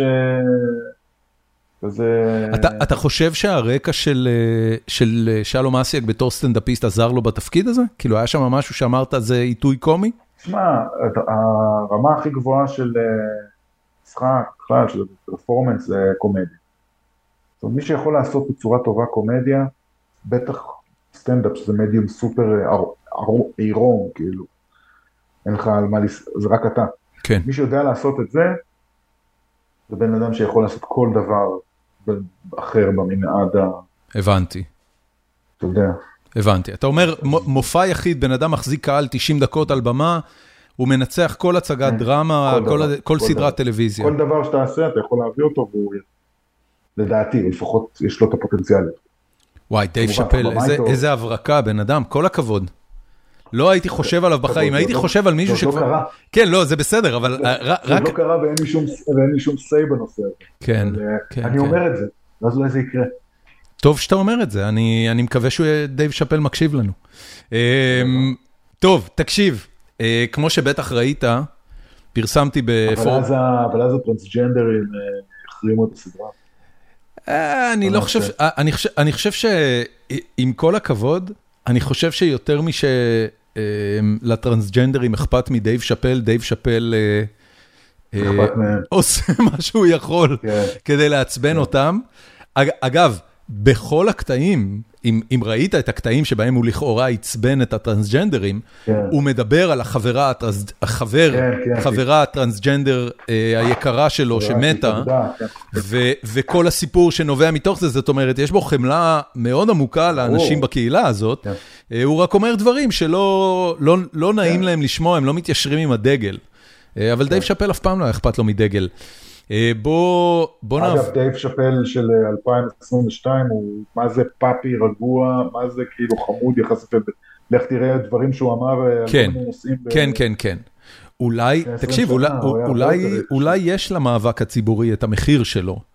זאת אומרת, אתה יודע, העניין הזה של אה, אה, לחטוף מכות כל כך חזקות, אה, ו- ולבלות כל כך הרבה זמן בלהילחם על הדעה שלך ועל הזכות שלך להגיד אותה כמו שאתה רוצה, it takes a toll. זה כן מכניס. לתודעה שלך דברים. שאחרי זה אתה אתה מתקשה להגיד fuck you עליהם. טוב, אני, אני רוצה קצת לעבור לשאלות מהפורום. אמ, מלא לייקים על זה שבאת לפרק, מלא מלא מלא, באמת. אמ, אני אתחיל, אה, לא דיברנו על אגב, זה, אני לדעתי שיאן ההופעות ב... אני בטוח שכן. אני בטוח שכן, זה פרק רביעי שאתה עושה. רביעי? כן, וואו, כן, מדהים. כן, כן. אוקיי. אה, בצדק, אתה איש אשכולות. אה, רוני איתן, אני לא יודע אם זה, אם זה בחור או בחורה, אבל רוני איתן שואל, אתה. מכיר אותו? אוקיי.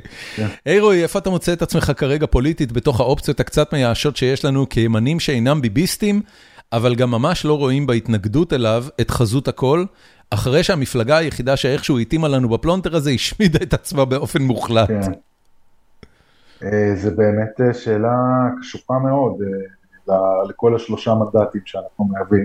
כן, אולי ביום טוב. ימין חילוני, ליברלי, קפיטליסט. תראה, אה, הבחירות זה ביבי לא ביבי, זה כבר כמה בחירות כך. אה, בבחירות האלה גם אה, כל מי שמנסה כאילו, כמו עכשיו בשקד מנסה כאילו לעשות פעם את המשחק הזה של בנט עם ה...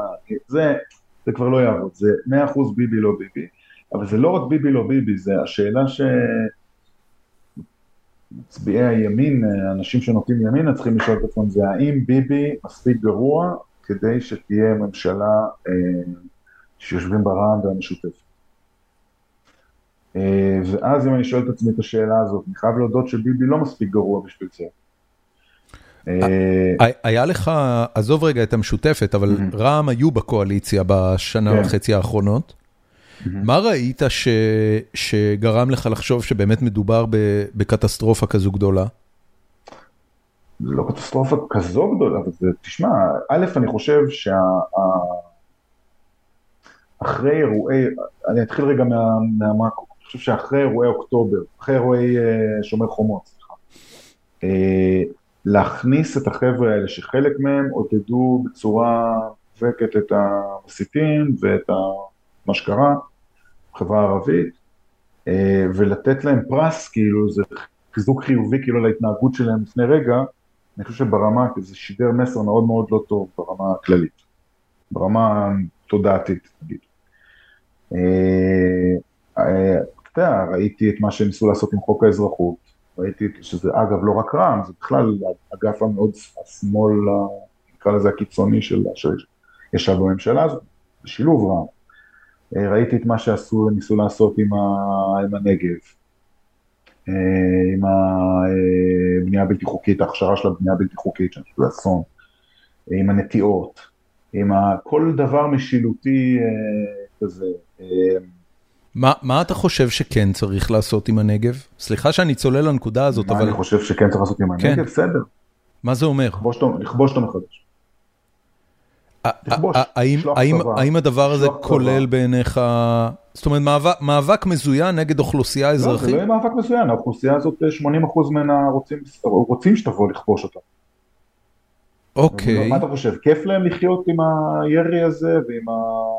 לא אבל, אבל, אבל כמוני וכמוך בסוף. לא- יש שם אה, כבר שטחים לא מבוטלים שהם בנייה בלתי חוקית, יש שם ממש ערים שצמחו שהם בנייה בלתי חוקית. תביא- אישור קו של בינה, תהרוס הכל, תבנה מסודר. תסדר את זה. זאת אומרת, אתה חושב, אתה חושב, אתה חושב צריך להרוס. שם בתים? בוודאי. אוקיי. ובטח ובטח מה שיושב על אדמות פרטיות, ויש לא מעט כפרים שלמים. אה, אדמות מדינה, כמובן, תראה, צריך למצוא פתרונות לאנשים, כן, אי אפשר להרוס להם את. מה מה יכול להיות פתרון מניח דעת מבחינתך? יישובים אה, מסודרים. זאת אומרת, זאת אומרת, אתה חושב שלאוכלוסייה הערבית והפזורה הבדואית צריך להגדיר יישובים מסודרים עם תוכניות תמ"א, עם כל מה שהציבור היהודי אבל זה- מקבל? זה לא, אני גם לא ממציא איזה משהו זה, זה, זה בגדול עושים את זה. זאת אומרת, יש יישובים בדואים מסתרים, שכונות שמסתירים כל הזמן הבעיה, שזה כל, הם כל הזמן כאילו, מותחים את ה... אתה מבין, אז הם בונים את זה, ואז יש להם עוד איזה בית, כי הם מחזיקים בפזורה, בפחון. צריך לסדר, לעשות שם סדר, צריך, תראה, הנושא של הפוליגמיה, למשל, נושא מטורף, פוליגמיה, נושא כאילו, מטורף. שיבוא נשים. עכשיו, אני, אני אישית לא חושב שהמדינה צריכה להתעסק באיך אנשים מבוגרים בוחרים לנהל את חיי הזוגיות שלהם, זאת אומרת, אז מה רוצה כן? לחיות עם שלוש נשים, או אישה רוצה לחיות עם שלושה גברים, זה פשוט לא ענייני, כן? אה, אבל אני חושב שבהתאם לזה המדינה גם לא צריכה לממן את אורח החיים. זאת אומרת, המדינה לא צריכה לשלם קצבאות ילדים בכלל, לדעתי. בטח לא מתקציב אה, של ביטוח לאומי, שמה הוא קשור לקצבאות ילדים. אה, לא צריכה לשלם הבטחת הכנסה לנשים, לנשים הפוליג... נשים בפוליגמיה הן כאילו גרושות, שאין להן מפרנס, אז משלמים הבטחת הכנסה. אוקיי. אה, אני-. רק אשאל אותך, אתה- מממ- המדינת הרווחה היא מממנת את האירוע. אתה חושב שיש סיכוי. חלק מהדברים האלה שאתה מתאר הם דברים שגם, במיוחד קצבאות ילדים, נוגעים מאוד חזק בחברה החרדית. אה, מרובת הילדים שנהנית. מהקצבאות. אה, אתה חושב שיש סיכוי שממשלה ימנית, בהובלתו של נתניהו, תעשה משהו בנידון כדי לצמצם את מדינת הרווחה? באותה מידה של ממשלה שמאלנית שתלויה בקולות, ה... בקולות ה... החרדים המוסלמים. כן. אני מעדיף את החרדים של הצד, אתה יודע, גם, אני גם על החרדים שלי לא מת, אבל מעדיף אותם על החרדים של אוקיי. התנועה האסלאמית. בוא נעבור לשאלה הבאה. כאילו. אה, אני, אני רק רוצה אה, לשאול, כי אמנון כהן הגיב לשאלה הזאת של רוני איתן, אה, שענית בפודקאסט של נדב פרי שאתה תצביע לליכוד ותלך להתקלח. זה עוד בתוקף? אם לא, לא יהיה לי אופציות אחרות, והליכוד יהיה אופציה סבירה. בטח, הצבעתי לליכוד בעבר, אני יכול לעשות איזשהו, יש לי טכנולוגיה. אוקיי. יצחק צוברה שואל, האם אתה חושב ש... איזה אופציות גם יש לי? יש לי או בליכוד או סמוטריץ'. אני גם עלול, אני גם... אה, עכשיו- לכאורה. יש, יש את, אה, איילת שקד, זאת אומרת היא לא אופציה מבחינתך. שום אופציה, בשום צורה, גם לא תעבור, אין שום סיכוי שתעבור. את אחוז החסימה, הבנתי, אוקיי. יצחק צוברה שואל, האם אתה חושב שהמציאות רקובה כמו בסדרה, ואיך מונעים מציאות כזאת? אה, זה כאילו כמעט כל הדמויות, שלל חושבת, לא יודע, שתפקידו של שוטר זה לשמור על השוטרים ולא על הציבור, אתה באמת חושב שזה משקף? שאלה קצת מבולבלת, אה, אבל זה, זה כמה לא, לדעתך. מנאייק היא תמונת מציאות? יש, יש, יש בזה משהו, אז כמובן סדרה בדיונית, כן, אז לא צריך אה, לקחת יותר מדי ברצינות, זה לא דוקו, אה, כמו שיהודה שפר אני חושב. אז יש בהחלט בעיה מאוד מאוד רצינית במדינת ישראל עם מערכות אכיפת החוק שלה, גם המשטרה, גם הפרקליטות. אה, כמובן שיש הרבה מאוד אנשים טובים ומשרתי ציבור אה, נאמנים וזה, אבל המערכות עצמן הן מאוד מאוד בעייתיות.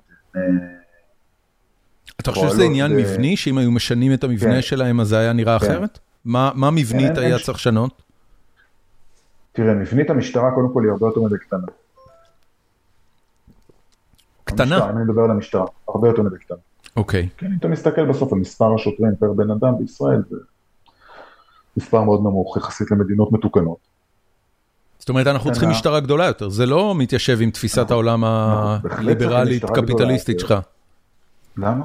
שלטון כי- החוק זה עיקרון אה, לא. לא, שלטון החוק זה סבבה, אבל צמצום הוצאה ציבורית זה Law גם and כן. אה, אה, אם יש משהו שהציבור צריך להוציא עליו כסף, זה על ביטחון, בטח. הבנתי, אוקיי. מה זאת אומרת? אם יש משהו אחד לבזבז עליו כסף זה זה. אז משטרה צריכה להיות הרבה יותר גדולה. היא גם צריכה להיות יותר אה, מתוחכמת, אני חושב, במדינת ישראל, כי... זאת אומרת, אי אפשר שכל ה...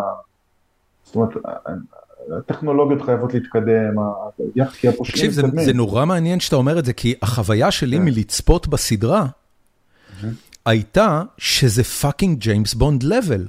כל בן אדם שהם רוצים, בכל נקודה שהם רוצים, יש להם מיכון סלולרי עליו, מקליטים את השיחות לא, שלו. זה ברור שיש לך.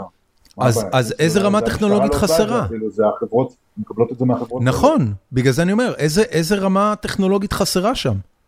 קודם כל חסרות שיהיו מספיק יחידות שיעשו את זה מול יעדים. ומספיק חוקרים, ומספיק אה, אלחוטנים שישבו ויאזינו, ומספיק חוקרים שיעברו על התמלילים, ומספיק אה, טוב, אה, אנשים שיחברו את הפאזלים. אתה יודע, אתה היית איש מודיעין בעברך, לא? לא, אבל אני מכיר אה, אתה מספיק. לא זה? לא, אני לא מהבוגרים של זה המודיעין. זה עבודה. אתה מחמיא לי, אני. מהבוגרים של פיקוד העורף. לא יודע, יש לך פרצוף כזה קצת. כן, אני יודע, אתה- אני יודע. זה עבודה מאוד רצינית וסיזיפית, שדורשת הרבה כוח אדם, כוח אדם מוכשר, וצריך שיהיה את זה. אז, וחוץ מהשוטר ברחוב, שחייב להיות, אה, חייבים יותר כאלה, ויותר טובים. כן, למרות שהם, אז, אז זה, אז זה, ה- שזה ב- במקצוע בפני עצמו. אה, שהיום הוא מתבסס על שחמיסטים, בני 18, שהם לא, לאו דווקא תמיד מה-the best of the best, ומתנדבים. הבנתי. שהם the worst of the worst. אה, אוקיי. אז, אה, אז אה, סתם, אני מלכלך, אבל זה לא, אתה לא יכול, אי אפשר, לא, לא רציתי. אז, אז כמו שאין לנו צבא מקצועי, גם המשטרה שלנו לא מקצועית. בתור מישהו שעשה אחד. כבר שתי עונות על סדרה, יש בעולם איזה משטרה שהיא משטרה נערצת מהבחינה הזאת? כאילו יש... אה, תראה, מה זה משטרה נהרת? יש מקומות בעולם שצריכים אה, לשלוט, ב, לשלוט על הפשיעה. אוקיי, זה גם תלוי באופי של המדינה, באופי של האזרחים. לא משנה, משטרת ישראל לא, לא, תראה, אם אתה מסתכל על זה, אז זה לא שישראל סובלת מאיזה נתוני פשיעה אלימה יותר... לא. וגם בירידה. פה זה, פה זה יותר בדברים, ה... קודם כל זה באזורים מסוימים פה שיש, כמו במגזר הערבי. זה מטורף מה שקורה. נכון. זה ממש, כאילו, גם במגזר הערבי כמה אנשים זה, אתה יודע, זה מיליון וחצי, שניים? מיליון איש, מיליון וקצת. כן. עם, תחשוב, זה נתוני רצח של שיקגו, כאילו, זה כאילו מטורף. כן. אה, אז, אז שם, נגיד, בנישות ספציפיות שצריך לטפל בהן בצורה יותר אה, מסיבית, אה, ויזה ומה שאמרתי מקודם, על הנגב זה נוגע גם לדברים האלה. וכמובן, אה, פה זה יותר מה שקשור לנושא עבירות רכוש. אתה מרגיש שהרבה פעמים שהרכוש שלך הוא הפקר בהרבה מקומות במדינת ישראל, כן. בערים, חלק מהערים הגדולות, זה דבר כזה. תחושה, תראה, פה גם המשטרה, אל תשכח, יש לה, נופל עליה תיק מטורף של הלוחמה בטרור, נכון. של אבטחה, של... של זה, היא, היא צריכה להיות הרבה יותר גדולה. אוקיי.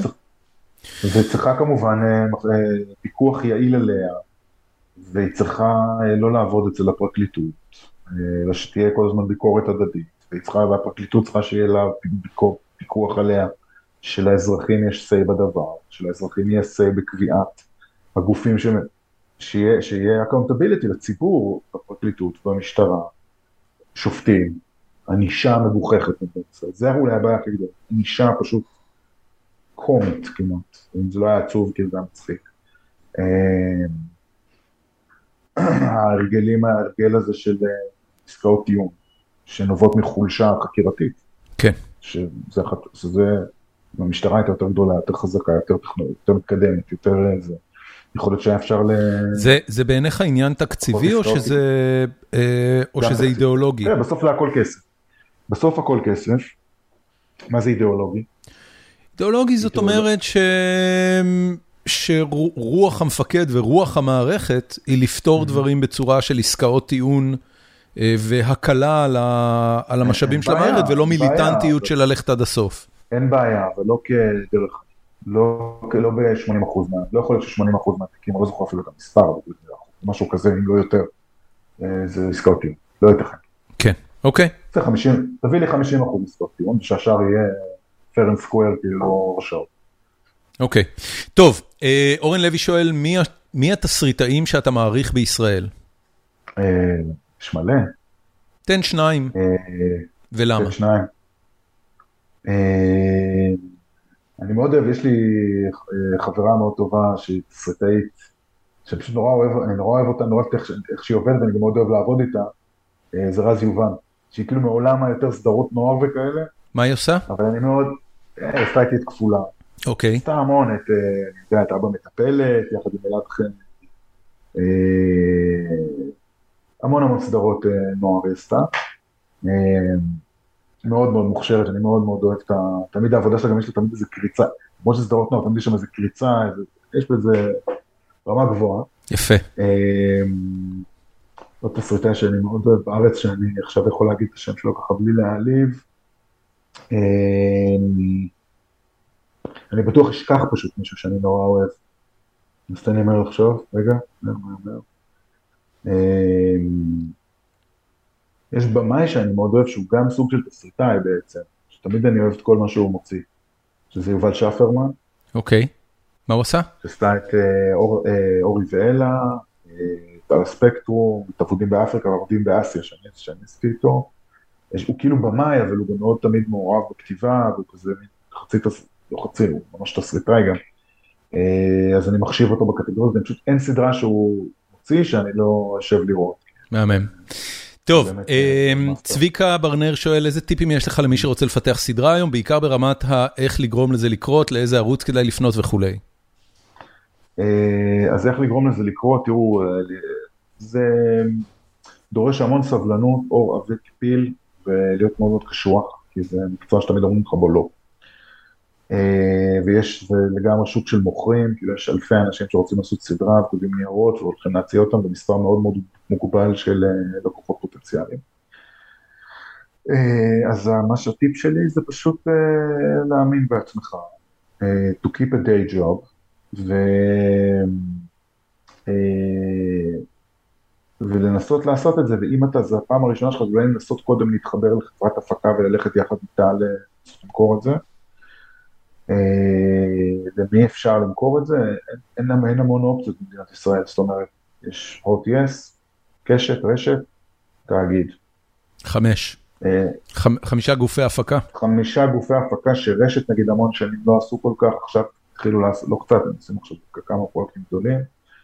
אה, אבל קשת זה סיפור אחר עם התקציבים שלו, הוט ויס עושים הרבה הרבה פחות, כי הכמות כסף שהם מוציאים על הפקות מקור היא נגזרת אה, גם חוקית, מבחינה חוקית מהכמות, אה, מההכנסות שלהם, מספר הלקוחות שלהם מצטמצם, כן. אז הם משקיעים פחות, כאילו, ועושים פחות. תגיד, כאילו מנאייק מהבחינה הזאת סלל את הדרך לסדרות שמופקות היום בגופים המסחריים? אתה יודע על משהו? אם זה ישפיע. לא, כאילו, אם זה סלל את הדרך, העונה הראשונה הייתה מאוד מוצלחת, גם ביקורתית, גם מלא פרסים של האקדמיה, רייטינג סבבה, גם העונה הזאת, רייטינג סבבה, לדעתי, מהגבוהים שכאן ראו אי פעם. האם זה שינה משהו במחשבות של גופים כמו קשת ורשת על סדרות דומות? תראה, אתה אומר לי בעצם, האם אלטיס משדר את מנאייק עכשיו בקשת, איזה, איזה, האם הוא היה מביא את ה-20% רייטינג? זה מה שאני שואל. אני חושב שכן. אוקיי, אבל אתה לא, יודע, אתה לא יודע אם הם מפיקים עכשיו איזה מנאייק פנימי משלהם. תראה, השוטרים, הם עשו את השוטרים. כן. גם סדרה בעולמות האלה מאוד. היא עשתה להם נתונים מצוינים, עושים לה עכשיו עוד עונה. אוקיי. היא עשתה להם נתונים טובים. לא קשור למנאייק, כן. אני, אני, אתה יודע, אני חושב על מנאייק... הציבור תן לו דרמה טובה, הוא יישב ויראה. זהו, אני חושב על מנאייק פחות בתור מה שהיא על, על פני השטח, שזה דרמת טלוויזיה, ואני חושב יותר עליה בתור דרמה שמעוגנת הרבה יותר ביומיום הפוליטי-כלכלי של ישראל, שאני לפחות חשבתי שהסיבה שבגללה כאן לקחו את הסדרה וקשת נגיד לא, קשורה לזה שזו סדרה שיש לה פוטנציאל לעצבן הרבה מאוד גופים. וכאן יכולים להרשות לעצמם לעצבן אותם, הם פחות נתונים לשיקולים האלה. להפך, כאן דווקא, טוב, אוקיי. לא יודע, זה התחושה, אולי אני טועה בזה. כאן נתפס אצלי כגוף יותר מנותק פוליטית מהמערכת השלטונית מאשר קשת ורשת שהם עם הרגולטור ועם בעלים שמעורבים עם פוליטיקאים, וכאילו, זה נראה לי תמיד כאילו יש שם הרבה יותר בחישה. אולי אני טועה. עומרי מטר שואל, האם ראש הממשלה זכאי? בכל מקרה, בכל מקרה, אף אחד לא אמר לי כלום. קיבלתי גיבוי לכתוב מה שאני רוצה, אף אחד לא דיבר איתי על שום... מעולה. לעצבן, לא לעצבן, בכלל לא נושא. עומרי מטר שואל, האם ראש הממשלה זכאי? אצלי בסדרה? לא. לא. אה, ביבי? כן. תראו, זה... זה נושא מורכב שאפשר לעשות עליו עוד שלושה פודקאסטים נפרדים. מה השורה התחתונה? נתחיל מהסוף. השורה התחתונה היא שאני לא בטוח שנגד מישהו אחר היו מגישים, סלש אולי אפילו לא חוקרים, ומגישים כתבי אישום כאלה, בעבירות האלה, ועל המעשים האלה שרבים מהם הם קרימינליזציה של אקטים פוליטיים שנהוגים שנים רבות. קרימינליזציה, זאת אומרת, פתאום הפרקליטות נזכרה לקרוא לזה פשע? פתאום לדבר עם נוני מוזס על זה, זה נהיה עכשיו עבירה פלילית. אוקיי. פתאום... ואתה מעריך שהיו המון שיחות כאלה עם פוליטיקאים, אולי אפילו עדיין מתקיימות כל הזמן בין אנשי תקשורת ל... ברור, אין ספק. אוקיי, אז התלבשו עליו. תראה, מצד אחד התלבשו עליו, מצד שני, he lent himself be, שהתלבשו עליו.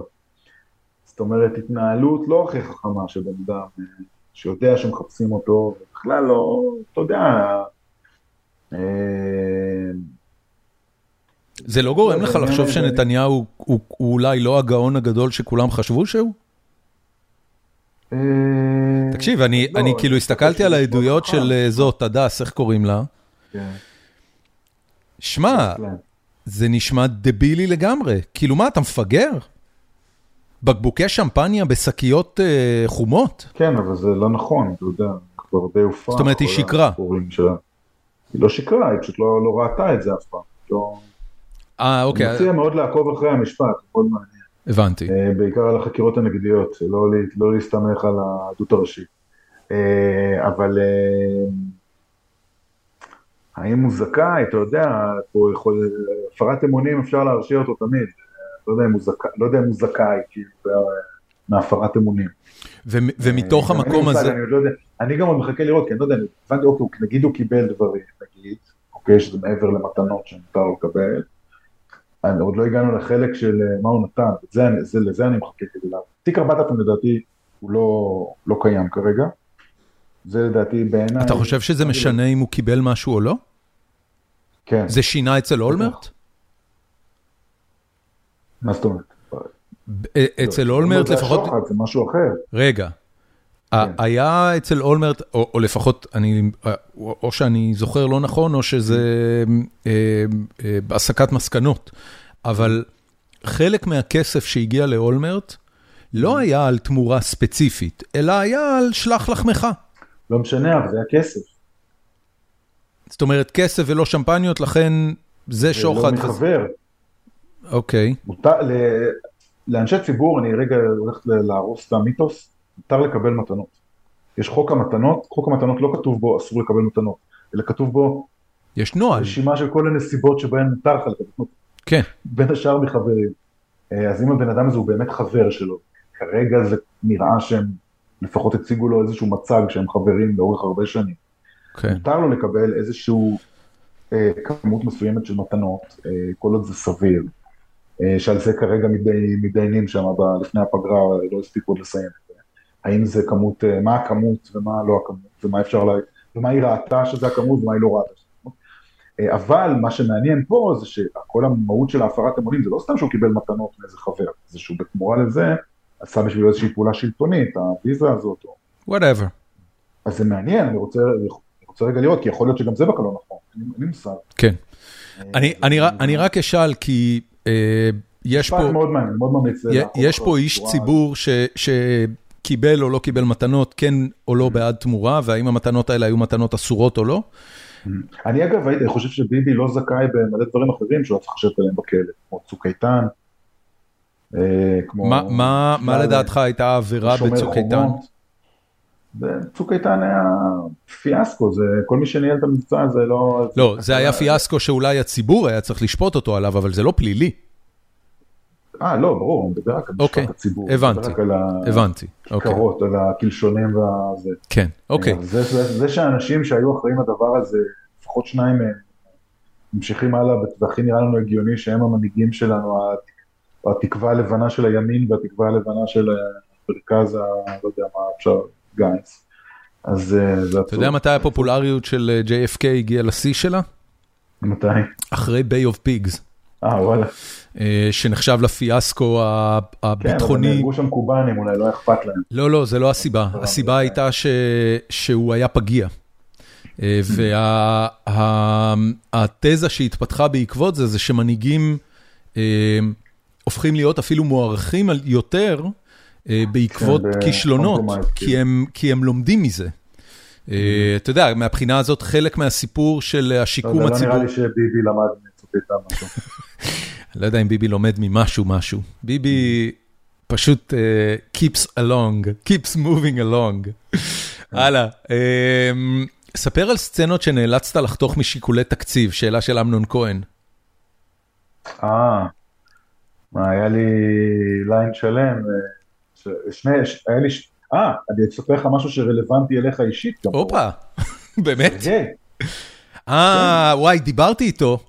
תקשיב, סרגי בוכמן, רק ל... היה line שלם איתו. למאזיננו נגיד, סנדו מהעונה כן. הראשונה, סרגי בוכמן כן. המופלא, אה, הוא product manager בחברה של StreamElements. והוא אפילו לקח, אה, לדעתי, אני חושב שהוא אפילו עבד אצלנו כשהיו הצילומים, או שזה היה לפני? בעונה אחת. בעונה אחת. כן, בטח שהוא הוא לקח חופש. כן. אמ, והוא באמת נעלם מהעונה השנייה, אני עליתי מולו בסוף שבוע, אמרתי לו, איך יכול להיות אתה לא בעונה השנייה? כן, כן. אז היה ממש, היה לו ליין שם, היה שם איזה קו עלילה שלם שהיה סביבו. אה, לא, לא המון סצנות, זה היה איזה חמש, שש סצנות כל העונה. אה, ונאלצתי לחתוך אותו as is, כאילו פשוט... מהתסריט או כבר בשלב ה... כן. לא, ממש לפני הצילומים. לפני הצילומים, אתה כותב תסריטים, ואז מגיע איזשהו שלב שאתה לתכנן את ההפקה, זה הופך לטבלאות אקסל, והכל הופך להיות כמו מפעל, כאילו, ואז אומרים לך, תקשיב חביבי, יש לך פה 30 אחוז over budget, אתה צריך אה, לצמצם. אז אה, הרבה פעמים מעיפים, אז היה לי אותו שאני רציתי להעיף. היה לי עוד מין מיני, מיני line כזה עם איזה אתגר חוסי, שהיה אמור להיות, uh, שגם נאלצתי לחתוך. אה, היו כמה, כמה דברים כאלה. תגיד, למה מאיה דגן לא המשיכה? כי הייתי צריך לעשות ש... היא הרי עשתה פדיחה מטורפת בעונה אחת. נכון. רציתי להראות שהעיפו אותה. אוקיי. והביאו, הצניחו לרשות מח"ש, העיפו אותה ואת ראש בית שמי. והייתי צריך לעשות כאילו את, את המהלך הזה שהיבה היא עכשיו סגנית ראש מח"ש. אוקיי. כדי, כי זה כאילו חלק מהעסקה שלה של התמות לפרקליטת מחוז בהמשך, כי היא חייבת למלא תפקיד סגנית, ככה זה בפרקליטות. אוקיי. אז הייתי חייב כאילו להעיף את אותה כדי שיקדמו את, אה, את היבה ולהעיף את שמיל כדי שרציתי להראות את זה שמביאים כאילו ראש מח"ש חדשה שהמפכ"ל ופרקליט המדינה כאילו הסכימו ביחד שהיא תהיה ראש מח"ש והיא שמה כדי... להרגיע את העניינים. את העניינים, כן. כן. הייתי חייב כאילו לעשות שם איזה שינוי אה, הנהגה. זה הסיפור. אוקיי. אמ, נדב שחר שואל, מה אתה חושב המאבק הפוליטי הכי חשוב שצריך להתבטא בישראל שלא קשור לפרקליטות או מערכת המשפט? המאבק הפוליטי הכי חשוב, אה, אה, אה כמובן אה, ליברליזציה של המשק. אוקיי. מה זה, זה אה, ש- חסמים, יבוא, אה, מועצת הלול, כל השיט הזה? חסמי יבוא, מועצות, אה, אה, right to work, מה שנקרא, אה, זה אה, בוררות, חוק בוררות חובה, אה, זה להפוך את המשק של מדינת ישראל למשק של מדינה מערבית נורמלית. אוקיי. אה, מורי אמיתי שואל, איזה במאי בינלאומי היית רוצה לכתוב סרט או סדרה? לא יודע, אני אולד סקול, אני, תן לי טרנטינו, תן לי אה, סטיבן ספילברג, שאני פשוט, אני יודע שזה כאילו מגוחך, אבל פשוט במאי. למה זה מגוחך? לא, כי... הוא עובד רק עם קושנר, אבל אבל זה לא הוא מגוחך. ישן כזה, אבל זה לא... הנה, הוא עכשיו עשה, שבוע שעבר התפרסם שהוא עשה וידאו קליפ ראשון, ב- ב- צילם אותו עם כן, טלפון ה- סלולרי. עם הטלפון, כן, ראיתי, כן, כן. הוא גדול. אה, זה כאלה, את הגדולים הרגילים. גיא ישראלי שואל, מי צודק בעימות עושה את זה התקשורת? לא, אחרי שראיתי את האיירוש, לא רוצה לעשות סקורסל, אז אה, אומרים שלא יתקשר. הבנתי, הוא אכזב אותך? כן. סרט נוראי. אני חושב שזה זה היה קצת רקוויאם כזה. זה לא לא כיבד את האיש. אוקיי, לא מצבה ראויה לאיש. fair enough. אה, גיא ישראלי שואל, מי צודק בעימות התקשורתי בין סעדה לניצן? אה, טוב, אני אה, חושש אה, סעדה, אבל אל תשכחו אף פעם שיכול להיות שגם שי ניצן צודק בחלק מהדברים, או לפחות מנקודת המבט שלו, כן. אבל בגדול סעד, בגדול סעד. אוקיי. אמ, טוב, הייתה פה שאלה שהצחיקה אותי, אני לא אשאל אותה. ירון סיני שואל, האם הדמות של איזי בכר מבוססת על דמות אמיתית? אה, קצת של שלום אסייג. זאת אומרת של הבן אדם, אבל. אבל לא היה שוטר אה, אה, במח"ש שהזכיר לך אותו. לא, לא. לא, יש כמה, אני אחרי זה פגשתי מישהו שקצת אה, הזכיר לי אותו, אבל זה קצת בדיעבד. אה, לא, לא ממש, זה איזשהו... אוקיי. אמ, יהודה סייגל שואל, מתי העונה שלישית לבובי ואני? מה זה בובי ואני? אה, בובי ואני זה סדרה שעשיתי בערוץ ביפ ובקשת, עולה שתי עונות, מה שנקרא גם בקשת. אה, סדרה קומית מאוד הזויה על בן אדם שיש לו חבר דמיוני, בובי. אה, בובי, שאני שיחקתי אותו. באמת? מדבר, מדבר אנגלית ומקיא כל הזמן. וזה בתורה, הסדרה הזאת הייתה ספין-אוף לסדרה אחרת שעשינו בערוץ שנקרא חיות פשע, שמנאייק זה בעצם הגרסה העצובה שלה. אוקיי. אה, בסוף עשינו הכל ב- מתחבר. סדרה שנקראת חיות פשע, סדרה פרועה ביותר, גל זייד, מאור כהן. אה, אז תהיה עונה שלישית? עשינו, זה סדרות שעשיתי עם אה, חברי הטוב יובל שגב. אה. אה, אז תהיה לזה עונה שלישית? לא, אף פעם. הבנתי. אלכסנדר, אגב, אני אני אשאל, אתה יודע, התחלת בדברים אה, יותר כלילים ויותר קומיים, ו- ומנייק זה זה כנראה הדבר הכי דרמטי וכבד שעשית עד היום. אתה יותר נהנה מהאזורים האלה, או שאתה קצת מתגעגע לדחקות וקומדיה? לא, אני לא, מאוד לא, לא מצאתי הצלחה בקומדיה. זאת אומרת, זה עניין של אה, איפה יש לך הצלחה ופחות איפה אתה נהנה? זה פשוט, תראה, יכול להיות שזה פשוט יותר קל לעשות דרמה מאשר קומ- קומדיה שמצליח, כאילו יותר קל להצליח עם דרמה. אמיתי. כשניתחת אה, עם עצמך את הסיבה שהקומדיות שלך לא הצליחו כמו הדרמות, מה אתה מה אתה חושב? אה, זה פשוט יותר קשה אה, לעשות את זה, ויותר חמקמק. ואני יודע, יש כל מיני פגמים שאני יכול לנתח בדיעבד, אה, זה הדיוק לא טוב, או זה לא טוב, ואף פעם אני לא מאשים את עצמי כמובן. סתם, גם שבדרמה זה, יכול להיות שאני פשוט יותר טוב בדרמה, זה פשוט צריך להכיר ב... אתה אומר, המציאות מספרת את הסיפור שלה. כן, כן, צריך פשוט להכיר באמת, מה לעשות. טוב, אופיר יוקטן שואל, איך הגעת לליהוק המאוד מוצלח של שלום אסייג לתפקיד דרמטי? אז אני עבדתי אז על סדרה, עבדתי על סדרה דרמה ל-yes, שנקרא פאנץ', סדרה שעסקה ב... פאנץ'? כן, סדרה שהייתה מבוססת על סצנת הסטנדאפ של ה nineties בישראל. וכחלק מהעבודה על זה עשיתי תחקיר, אז ישבתי, נפגשתי עם שלום אסיאג, שלא הכרתי אותו קודם, לשיחת תחקיר כזאת על החיה בסטנדאפ, איך זה, וכאילו בשיחה הזאת הכרתי את שלום, והוא היה מאוד מאוד שונה ממה שציפיתי אה, כבן אדם, והיה בזה משהו, ואיכשהו זה מיד התחבר לי לדמות הזאת שבאותה תקופה התחלתי לעבוד על אה, מנאייק, התחבר לי כאילו לדמות הזאת של איזי, וממש באותו זמן, בא אליי יואב גרוס, המפיק, מפיק העל, אה, ובא לי פתאום אמר לי, תשמע מה חשבתי, להביא את שלום אסייג אה, להיות, אה, אמרתי לו בואנה, שלום, כאילו, we came, כאילו, we came up with it together. איך הוא הגיב? זה פשוט משהו, משהו בו נורא התחבר לי לדמות הזאת, אני לא יודע למה.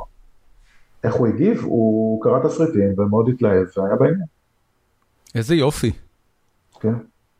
לא היה, זה, זה, אתה יודע, שמעתי אותך מתאר את הסיפור הזה גם בפודקאסטים אחרים, זה פשוט נשמע שזה היה נורא קל.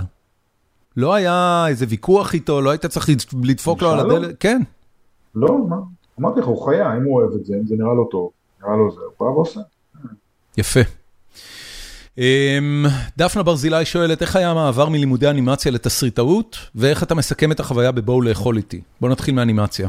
למאזיננו שאולי לא יודעים, אתה למדת אנימציה בבצלאל, היית אנימטור בתחילת הקריירה. יש תואר שני באנימציה, יפה. Savannah College of Art Design, Savannah, Georgia, hostess city of the South. ואיך זה היה?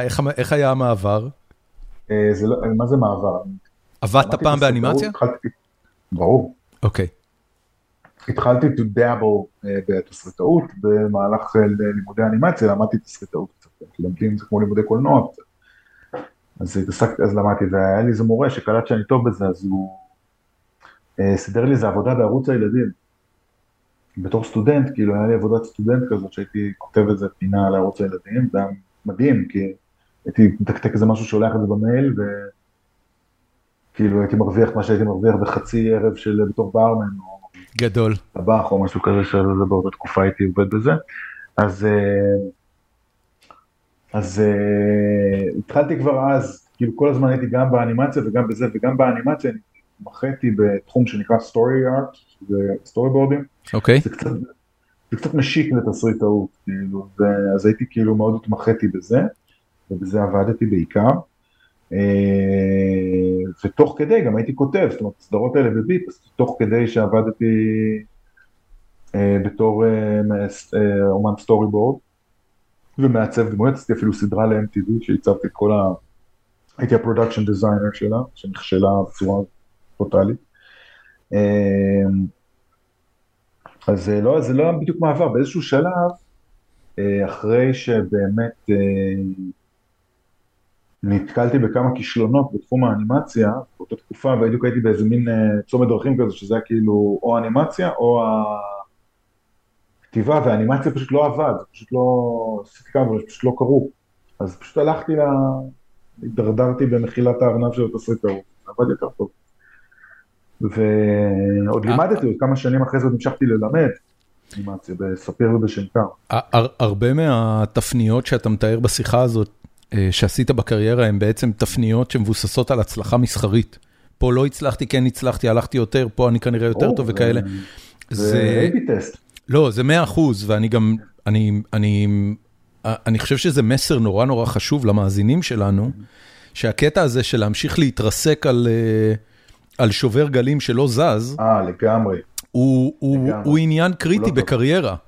אה, לך, לך למקומות שאתה רואה שאתה מצליח אובייקטיבית, לא, לא מהתחושה הפנימית, אבל אני אשאל רק על לא, אנימציה. זה גם נורא חשוב, זה גם נורא חשוב להבין, האומנות הזאת של כתיבה, או של מה שנקרא תקשורת חזותית, במירכאות, כל המהות שלה זה לתקשר עם קהל.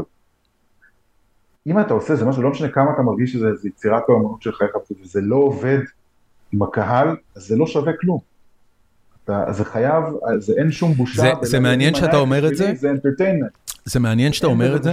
ב, כן. באחד הסרטים הדוקומנטריים על אינגמר ברגמן, אז הם מתארים את ההתפתחות של הקריירה שלו, והם מתארים שהוא הגיע באיזושהי נקודה ועשה סרט שהוא אמר עליו שהוא, ש, שזה שיא האומנות שלו, כי זאת הפעם הראשונה שהוא עשה סרט שבו הוא לא חשב על הקהל בכלל, הוא חשב רק על הביטוי הפנימי שלו.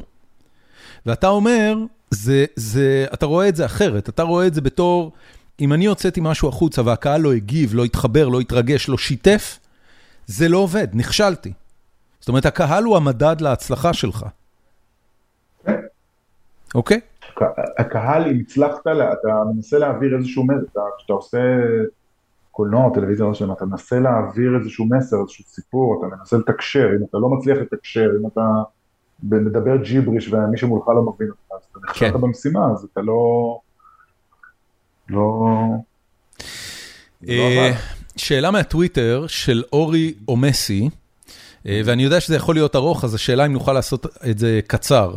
אה, בבקשה שיפרט על התהליך של המעבר... זה שאשתי תמיד אומרת לי. ומה אתה עונה לה? שאני כותב כמו שאני עושה אהבה. בבקשה ש... מה? רגע. מהר ועם הלפטופ. יפה. אה, בבקשה שיפרט על התהליך של המעבר מתסריט כתוב לסדרה מצולמת, טבלאות אקסל וכולי, בפודקאסט אחר הוא אמר שהוא יכול לדבר על זה שעות. אל תדבר על זה שעות, אבל איך זה נראה? אה, זה נראה like a hot mess. אוקיי. מה, אה, התסריטים אגב, אה, אני רוצה רגע לנצל את ההזדמנות, כל כן. התסריטים של מנאייק, אני חושב אגב, זה מהלך מבריק של התאגיד. אה, אני לא יודע, הם עשו את זה בעונה הראשונה, אני לא חושב שהם עשו את זה בעונה הזאת. אוקיי. לא יודע, הם הפסיקו עם זה לדעתי. אני חושב שזה נהדר. כל התסריטים של העונה הראשונה זמינים ברשת, אתה יכול לקרוא את התסריטים. לא יודע אם זה עדיין. לא, לא, זה עדיין, אני ראיתי אותם אתמול. אה, מעולה. אוקיי. אבל תעשו את זה גם עם השנייה, בשם אלוהים, זה כזה גאוני. כן, אני חושב שהם הפסיקו לעשות את זה פשוט. למה? אה, לא יודע, לא יודע, חשבתי על זה בדיוק גם לפני כמה ימים, פשוט שכחתי מזה. אה, אז זה נורא פשוט, ברגע שבאיזשהו שלב, אה, כשהסדרה נכתבה, התחיל משהו שנקרא pre-production, זאת אומרת שמגייסים כבר את הצוות שמתחיל לעבוד על לתכנן את ההפקה, מתחילות לעבוד כל מיני מפיקות, עוזרת במאי, שזה הדמות הדומיננטית שבדרך כלל לוקחת את התסריטים ומה שנקרא מפרקת אותם והופכת אותם בעצם לטבלאות אקסל האלה, הם מתחילים לפי. עכשיו זה, זה עובד אה, לפי, מתכננים את התוכנית צילומים בעצם שנקראת בורד, את לוח הצילומים, אה, שזה תמיד עובד לפי לוקיישן, זאת אומרת אתה okay. אוקיי. סוגר, מצלם כמה ימים בלוקיישן הזה ואת כל הסצנות של כל העונה וכמה ימים בלוקיישן הזה את כל הסצנות של כל העונה שקורות בו, וזה עבודה מאוד מאוד אה, עבודת נמלים, כי זה צריך לדאוג שכל ה... שכל השחקנים יוכלו להיות ביום הזה, במקום הזה, זה, ויש להם אילוצים, הם משחקים בתיאטרון, הם בהופעה בדימונה, וזה מעבודה סופר מורכבת. בשלב הזה גם מבינים אם עומדים בתקציב או לא, כי אתה פורט את זה למספר ימי צילום, אתה מבין אם אתה עומד, ואתה יודע כמה עולה כל יום צילום, כמה יש לך, אתה מבין, אה, יש לי פה... מה המטריקה פחות או יותר, או מה מכפיל, כמה דקות צילום ביום צילום? אה, זה... תראה, אם היית שואל אותי על... אם אה- היית שואל אותי על סדרת נוער או על טלנובלה, אז הייתי אומר לך מינימום 15 דקות צילום, 15 דקות מסך מצד אוקיי.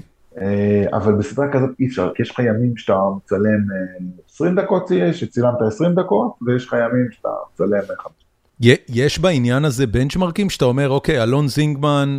הוא בן אדם שאין פחות מחמישה טייקים, או אין פחות מ-20 טייקים, או הוא תמיד עושה שלושה טייקים ונגמר? הוא צריך, הבמאי, בשלב הזה נכנס גם הבמאי, והצלם, ה-DP כאילו, ויושבים, והם צריכים כל סצנה לתזמן, ולחשוב איך לעשות שוטינג, ולחשוב כמה יהיה זמן יהיה למצלם את הסצנה, ואז להבין, לגזור מזה כמה טייקים הם יכולים לעשות וכמה לא. וצריך לעמוד בזמנים האלה אחר כך בצילומים, מה ש... זה התפקיד בעצם של עוזרת במאי ראשונה, כאילו, זה אני גם, אני אומר בלשון נקבה, כי זה הרבה מקרים אישה, אבל זה גם לפעמים גבר. במקרה שלנו זה לי לוין גזלה, שהיא פשוט אחת הגדולות, אז אני מתייחס אליה כרפרנס. זה, זה עבודה מאוד מורכבת. הבנתי. שאתה בסופו של דבר, בתור השואו-ראנר נקרא לזה, סריטאי, כאילו כל הפתרונות שצריך כדי לצמצם או לחתוך או זה, זה בסוף מגיע, אתה צריך לייצר את כל הפתרונות בעצם. כן. כדי שהמוצר יישמר, כי לא. תמיד להפקה, כי לא תמיד הפתרונות הם הפקתיים, זאת אומרת, אני נגיד כתבתי מלא מלא כל מיני משרדים, כל הזמן חשבתי בראש, טוב נמצא איזה בניין, צלם את הכל באותו בניין, לא, אז לא, לא, לא עבד, צריך למצוא לזה כל מיני פתרונות קריאיטיביים. כן. אני, אני רוצה לשאול אותך בעניין הזה, אני ואתה דיברנו לפני איזה חודשיים, כש, כש, או אפילו שלושה, כשקבענו את הפרק הזה, ואמרת לי שיש לך איזה בעיה שאתה עכשיו צריך לפתור אותה בתור, בתור שואו-ראנר, באיזה נקודה, הייתה סצנה שלא הייתה מספיק חזקה, אתה יכול עכשיו אה, להיזכר במה זה היה? אני לא זוכר מה, היו כל כך הרבה כאלה שאין לי מושג כבר מה זה היה. זה היה כבר ממש בסוף התהליך הפקה, הסדרה עמדה לפני uh, תחילת שידור, לדעתי שבועיים שלושה אחרי זה, והיה לך איזה סצנה שלא הייתה מספיק מעניינת. או לפחות ככה תיארת אותה. לא משנה, לא משנה. ישראל לבנון שואל, למה לא עצרו והרשיעו את חנן על פי עדת הראייה? להלן uh, סמדר ברנר, ה-blast from the past, היא הרי זיהתה אותו במסדר זיהוי. למ, למה נטשת אותה? למה נטשת אותה? מה זאת אומרת? הם, הם רצו, לה, הם, הם, הם תכננו לעשות את זה, פשוט uh, חדלו אותה. היא ראתה, מה היא ראתה? היא ראתה בן אדם מעלה טוסטוס לרכב. אוקיי. זה אי אפשר להרשיע, לא ראתה אותו יורה בטל. לא, אבל לא, לא, לא היה עימות, לא היה מסדר זיהוי, כאילו נפתח הקו העלילה הזה וכל הזמן אתה אומר, לא יש עדה שראתה אותה. כולה החזיקו אותו איזה יום. אני רק אגיד לישראל לבנון, אני שותף לתחושת התסכול שלך, גם אני נורא רציתי שהיא תתפוס אותו ושיהיה שם איזה כן. איזה reckoning. זה אגב, אחד הדברים באמת הכי הכי כבדים על הלב בסדרה הזאת. אין reckoning, אין, אין כאילו את הרגע של אה, מישהו בא ואיזי והוא מתפוצץ וזה, ו, אה, אה, כאילו אתה לא, אתה, לא, אתה לא מקבל את העניין הזה, תמיד כאילו בסוף מישהו חומק, קשה נורא, מה אני אעשה?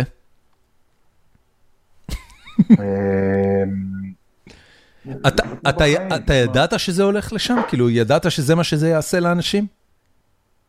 כן, זה מנסה להעביר איזו תחושה שזה סתם תסכלת. כן. אבל חכה, אולי בעונה שלוש יהיה לך את הריקונית. אמן.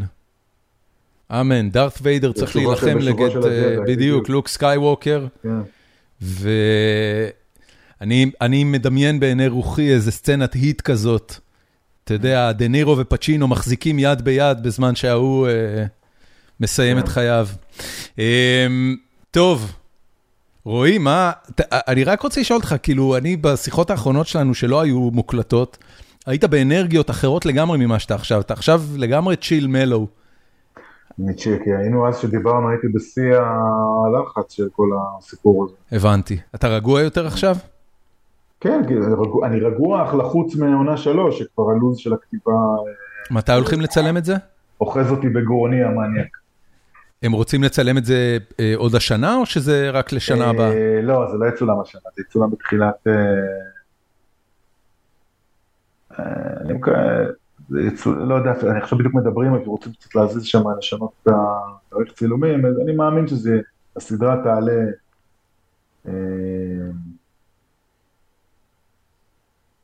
בערך בחגים של שנה הבאה, אני חושב. אוקיי. אני לא רוצה, אני סתם, אני זורק את זה עכשיו, כאילו, זה הכי... יש עכשיו, אה, אחרי העונה השנייה, יש עכשיו, אה, אתה יודע, יש אצלך ציפייה שהאקדמיה אה, תפרגן כמו בפעם הקודמת? אני מקווה שבעיקר יפרגנו ללירז, שלא פרגנו לו בפעם הקודמת. אוקיי. שמגיע לה לקבל פרס, מקווה שנקבל גם כולנו, את כל הפרסים, כרגיל. אוקיי. אבל אני לא יודע, לא... זה משהו שאתה חושב עליו? שאני חושב, מה, על פרסים, כן. אה, תשמע, אני לא מתהפך על זה בגלל זה בלילה, כן? לא, זה מדהים, מה, זה כבוד גדול. כן. אני אשמח לזכות. אני שואל כי אתה יודע, בפודקאסטים שאתה שומע עם שחקנים ויוצרים, הם תמיד מתארים את הפרסים בתור משהו שהוא nice to have, אבל הוא לא פקטור ביצירה, והוא גם כל כך מופרך שאתה תקבל אותו, שזה באמת לא נראה כמו אופציה ריאלית, במקרה שלכם... זה לא כזה מופרך לקבל את פרסי האקדמיה. אוקיי. לא שיש כזה הרבה סדרות. הבנתי. אבל זה nice to have. אה, זה לא משהו שהוא, לא כמו לקבל אמי שמשנה לך את החיים, אתה יודע. כן, כן, כן. אה, זה nice to have, זה כבוד גדול, זה אחלה, זה, זה תמיד נעים אה, לקבל הכרה from your peers, מה שנקרא, אבל. היה משהו בתגובות של הקהל לסדרה הזאת, לעונה הזאת, שהיה שונה מהפעם הקודמת? שאמרת... זה היה יותר חזק, הכל היה יותר חזק. מה, פשוט יותר בכמות? יותר פניות? יותר, יותר אנשים ראו את זה, יותר אנשים דיברו איתי על זה, יותר אנשים, אה, זה נכנס לאנשים יותר חזק, זה נכנס ל... גם בעונה הקודמת היא קצת נכנסה לשיח האקטואלי. כן. העונה הזאת בכלל, כי זה איכשהו שם, the perfect storm היה. תקשיב. בתגובות לקראת הפרק הזה, אה, יותר מפעם אחת עלה העניין שאתה עושה דוקומנטרי. כן, זה ממש לא דוקומנטרי. לא, זה ממש לא, אבל זה מדהים, אנשים רואים את זה וחושבים שזה אה, מציאות... אה, זה אמיתי, כן, כן, אבל זה לא, אבל זה ממש לא, כן. זה ממש סדרה. אני גם מנסה נורא, אני נורא נזהר מ... אה, נגיד הזמינו אותי מלא עכשיו להתראיין על הסיפור של משה סעדה ועל זה, ואני אומר לא, אני ממש מנסה ל... חוץ מהיחיד שאמרתי לו כן זה אראל סגל, חברי הטוב שלא הייתה לי ברירה אלא ללכת אליו לתוכנית כי הוא, כי הוא אח, אבל uh, אני אומר לא כי אני לא רוצה, אני לא רוצה את החיבור הזה, הוא נחמד, תשמע אני לא אשקר לך, זה מעולה לי ליח"צ ולזה וזה, אבל נורא חשוב לי לשמור על הסדרה סדרה, שזה יישאר סדרה, אני לא רוצה שזה יהיה, כי אנשים, תשמע, יש את... יש את עורך דין יהודה שפר שהוא כזה מין דובר לא רשמי של הפרקליטות שהוא הוא, הוא כאילו מבחינתו זה, דו, זה סדרה דוקומנטרית, כאילו הוא מתייחס אליה כסדרה דוקומנטרית, זה הזוי. אה, אנשים צריכים uh, למלא את החורים בידע שלהם עם משהו, ואתה נתת להם משהו למלא איתו. אז אני נתתי להם, אז תראה, זה אולי הם, אה, זה מסביר קצת את המערכות האלה, וזה בסדר. לא סדרה שמקיירת אירועים אמיתיים בשום צורה. זה לא אירועים אמיתיים ולא דמויות אמיתיים. תגיד, אני אני אשאל אותך, וזאת תהיה השאלה האחרונה שלי. אמ, אחת הפרשות הכי מסתוריות בעיניי, בתור מישהו שקורא חיצונית אה, על מערכת, אה, מערכות שלטון החוק והפרקליטות והמשטרה בישראל, זה כל מה שהיה עם רות דוד. שקיבלנו הצצה מאוד מאוד אה, קטנה. לא קיבלת שום, לא קיבלת שום הצצה. הבנתי, תשובה טובה. אה, אז אז בוא בוא נגיד שאני מדמיין שקרו שם המון המון דברים ממש ממש רעים. אה, כמה מזה השתרבב לסדרה? כמה ממה שאתה יודע השתרבב לסדרה? מפרשת רות דוד? כן. לא הרבה. אוקיי. יש שם איזה פרקליטה מושחתת כזאת. מתי אתה חושב אנחנו נגלה כציבור על מה שקרה עם רות דוד? לא יודע. עשרות שנים? לא יודע. תראה, חלק אתה גילית, חלק, מה זה גילית? אם אתה רוצה לגלות, אתה יכול לגלות, אתה יכול לדעת, אבל הרבה, הרבה שם גם לא נחקר מעולם, במיוחד מהתקופה שכיהנה כפרקליטה ולא כעורכת דין פרטית. ותשמע, זה... יש, אני בדיוק כשיצא לי לדבר במקרה בשבוע שעבר עם מישהו שאמר לי שלדעתו זה ה... זאת אומרת, זה לא ביבי, הוא הסיפור, אלא שכל הסיפור זה בעצם רות דוד. באמת? כאילו כן, אני לא יודע. ביבי הוא הסחת הדעת של הציבור ממה שקרה עם רות דוד? זה קונספירציה, אבל ששם בגלל שזה היה פוטנציאל הנזק, היה, אין לי מושג, כן, היה כל כך גדול, זה, עשו שם כל כך הרבה טריקים על טריקים כדי לשמור את זה, לטייח את זה, אז כבר, אז זה כאילו מין כדור שלג כזה שהתגלגל, והנה אנחנו היום, זה התזה שלו. לא זה אגב, אה, אני קיבלתי את ההרגשה הזאת. ואני מכיר, אתה יודע איזה קונספירציות אני מכיר, שהיא הייתה הנציגה של הפרקליטות, אה, שזה נדמה לי אפילו נכון, כפרקליטה צעירה יחסית, בוועדה של את רצח רבין. וואלה. ושהיא בכלל נכסה, זה הכל כיסוי על ה... על ה-good old boys. כן, יש כזה, יש פה, יש, יש המון קונספירציות, אני לא יודע, אי אפשר לדעת מה נכון. אין דרך לדעת. בפרק, לא. בפרק הכמעט אחרון, או שזה אפילו בפרק האחרון של העונה, כשיושב, אה, אה, פרקליט המדינה אה, מול הדמות של עמוס תמם, ואומר לו, מה אני צריך את המפכ"ל אם יש לי את הבוס שלו? זה, זה, אתה יודע, זה, זה פתאום עושה איזה תהליך של, יש לנו את ההיררכיה הציבורית של מי יושב בתפקידים הבכירים, אבל יש גם את העולם האמיתי של מי מושך בחוטים של האנשים האלה. ו, וכמה מזה ניסית להעביר במהלך העונה הזאת, את התחושה הזאת? לחלוטין, מה זאת אומרת? כל המערכת יחסים של ברק ודודו, זה... אתה, אני, אה, אני עובד אצלך, אה? כן. אוקיי. כזה, כן. אתה, אתה מאמין שככה העולם שלנו בעצם נראה? זה, זה מבחינתך אמיתי, יש אנשים שהם אלה שמושכים בחוטים ויש את אלה שנמצאים בפרונט. זה פוליטיקה. כן. זה גם בעסקים ככה בהרבה מקרים. בהרבה מקרים. בהרבה מקרים. טוב יקירי. כל אחד, כל אחד הוא קוף של מישהו. אני זוכר שבזמנו, איך קוראים לו? היה פוליטיקאי ישראלי, זה שנלחם בעמק הבכה, אביגדור קהלני. קהלני. שבאיזה ראיון אמר שלכל אחד יש בוס. ואז מישהו שאל אותו, מי הבוס של ראש הממשלה? אז הוא אמר, אשתו. והוא אמר את זה שנים לפני שנפתח משהו על שרה נתניהו. כן. הרבה הרבה שנים לפני זה. אמ, יקירי, מה אני אאחל לך? קודם כל, מברוק, באמת. ישבתי בנשימה עצורה וראיתי את שתי העונות האלה, back to back, ונורא נהניתי, בעיקר נהניתי. פשוט אמרתי, בואנה זה... הנה, אתה רואה, זה הרעיון בסוף. כן, כן, כן. ממש, ממש, ממש נהניתי. אני, לא משנה, אתה יודע, שמעתי אותך באחד הפודקאסטים משבח את The Boys של אמזון, אה, ואת Umbrella Academy, שגם ראיתי בכיף את כל הארבע עונות שלהם. ממש נהניתי מהסדרה שלך, בן אדם. עשה לי 5x עליהם. אה, ונאחל לך גם בהצלחה עם העונה השלישית. ואני נורא שמח שאתה רגוע, כאילו חשבתי שאתה עצוב כשהתחלנו את הפרק, אבל אני, אני לא יודע, אולי היה לך איזה שבוע לא טוב, אין לי מושג. לא, לא, אתה עצוב בכלל, סתם... אה, סתם צ'יל? סתם צ'יל. יופי, יופי, יופי. כן. רועי, המון תודה.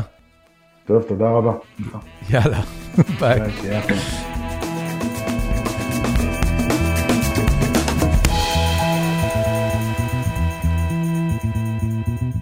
עד כאן הפרק, אה, ועד כאן אה, רועי דן. היה לי ממש קשה לסיים את הפרק, אה, בגלל זה הוא יצא כזה ארוך.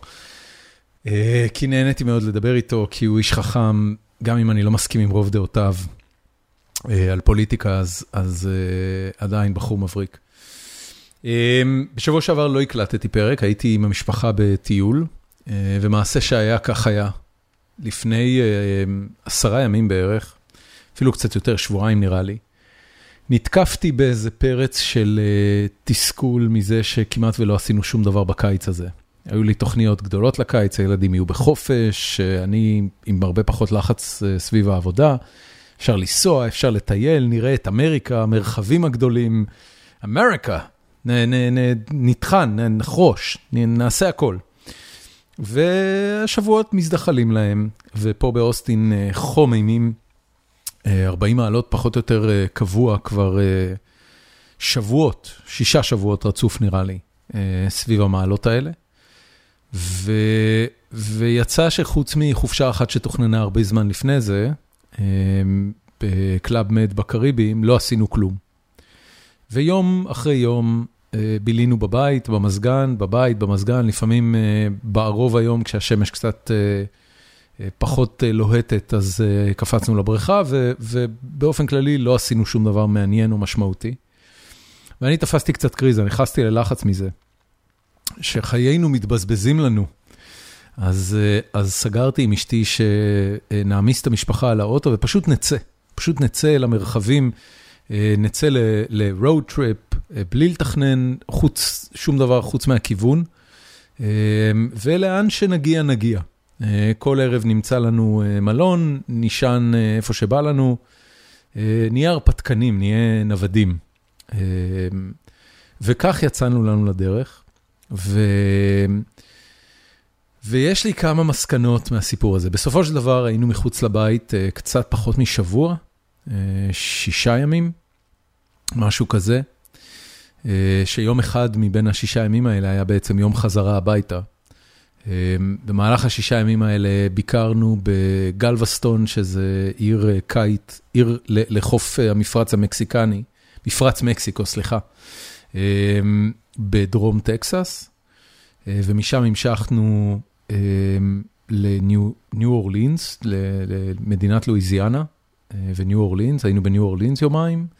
משם, כשאתה, כשאתה נוסע על הכביש המכונה Interstate number 10, אז אתה חוצה מניו אורלינס, תוך שלוש שעות אתה חוצה את מיסיסיפי, אתה חוצה את אלבמה ואתה מגיע לפלורידה, לצ'ופצ'יק הצפון-מערבי של פלורידה.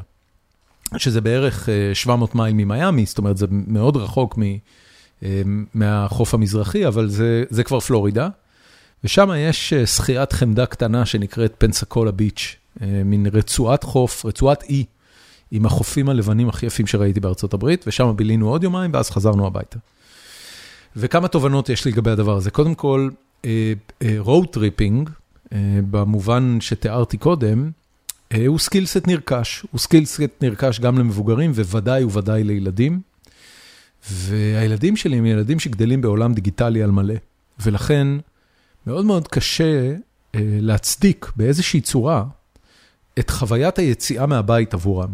שניהם חסידים מאוד גדולים של תוכן דיגיטלי, בין אם זה שירותי סטרימינג ובין אם זה יוטיוב למיניהם, video games וכל מה שאפשר לשחק במזגן על מסך.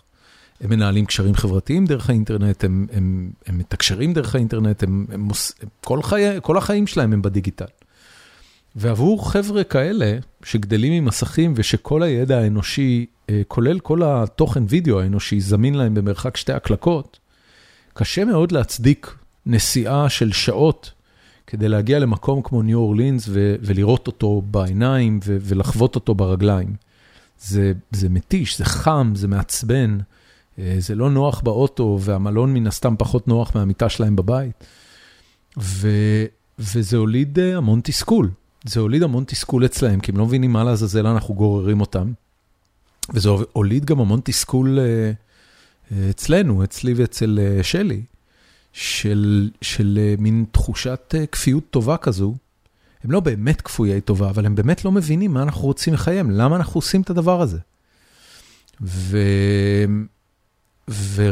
וזה לא השתפר כמעט בשום נקודה.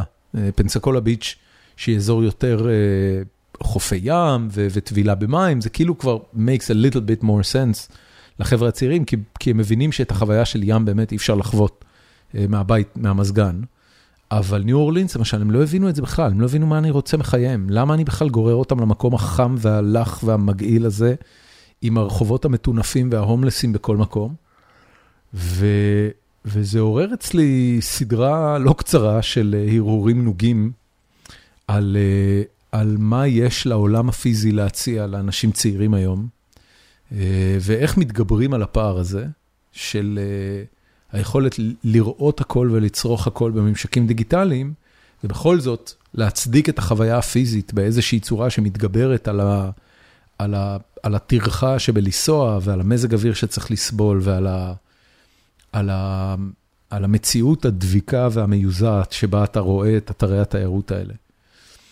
ואז כשחזרנו הביתה, אז העלינו את כל התמונות לגוגל פוטוס, והפלא ופלא, בצפייה באלבום התמונות של גוגל פוטוס, זה נראה כמו טיול מדהים. זה נראה טיול משגע, כל המקומות יפים, באמת כל המקומות יפים בתמונות. גלווסטון משגעת, וגם הדאונטאון שלה וגם החופים שלה, לואיזיאנה, כל האזור שם למטה בדרום, שמכונה ביו, זה אזור של ביצות, שאנחנו חושבים על ביצות, אנחנו חושבים על מלאריה, אבל בתכלס ביצות זה פשוט תצורת נוף משגעת של ירוק ומים, וירוק ומים. ו...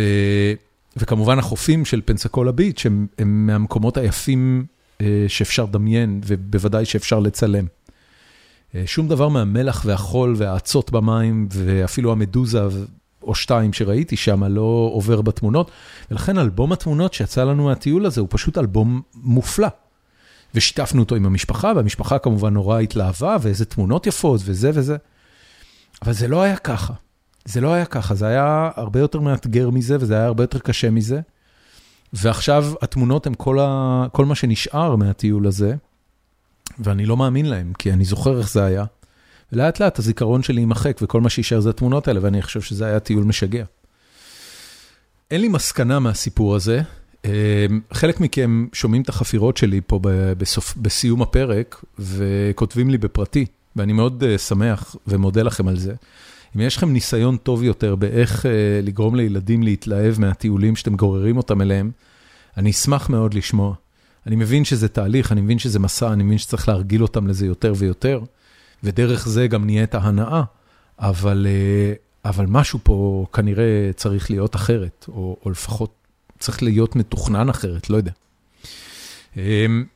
עד כאן החפירה שלי להיום, ממש לפני שנסיים, המלצה קטנה.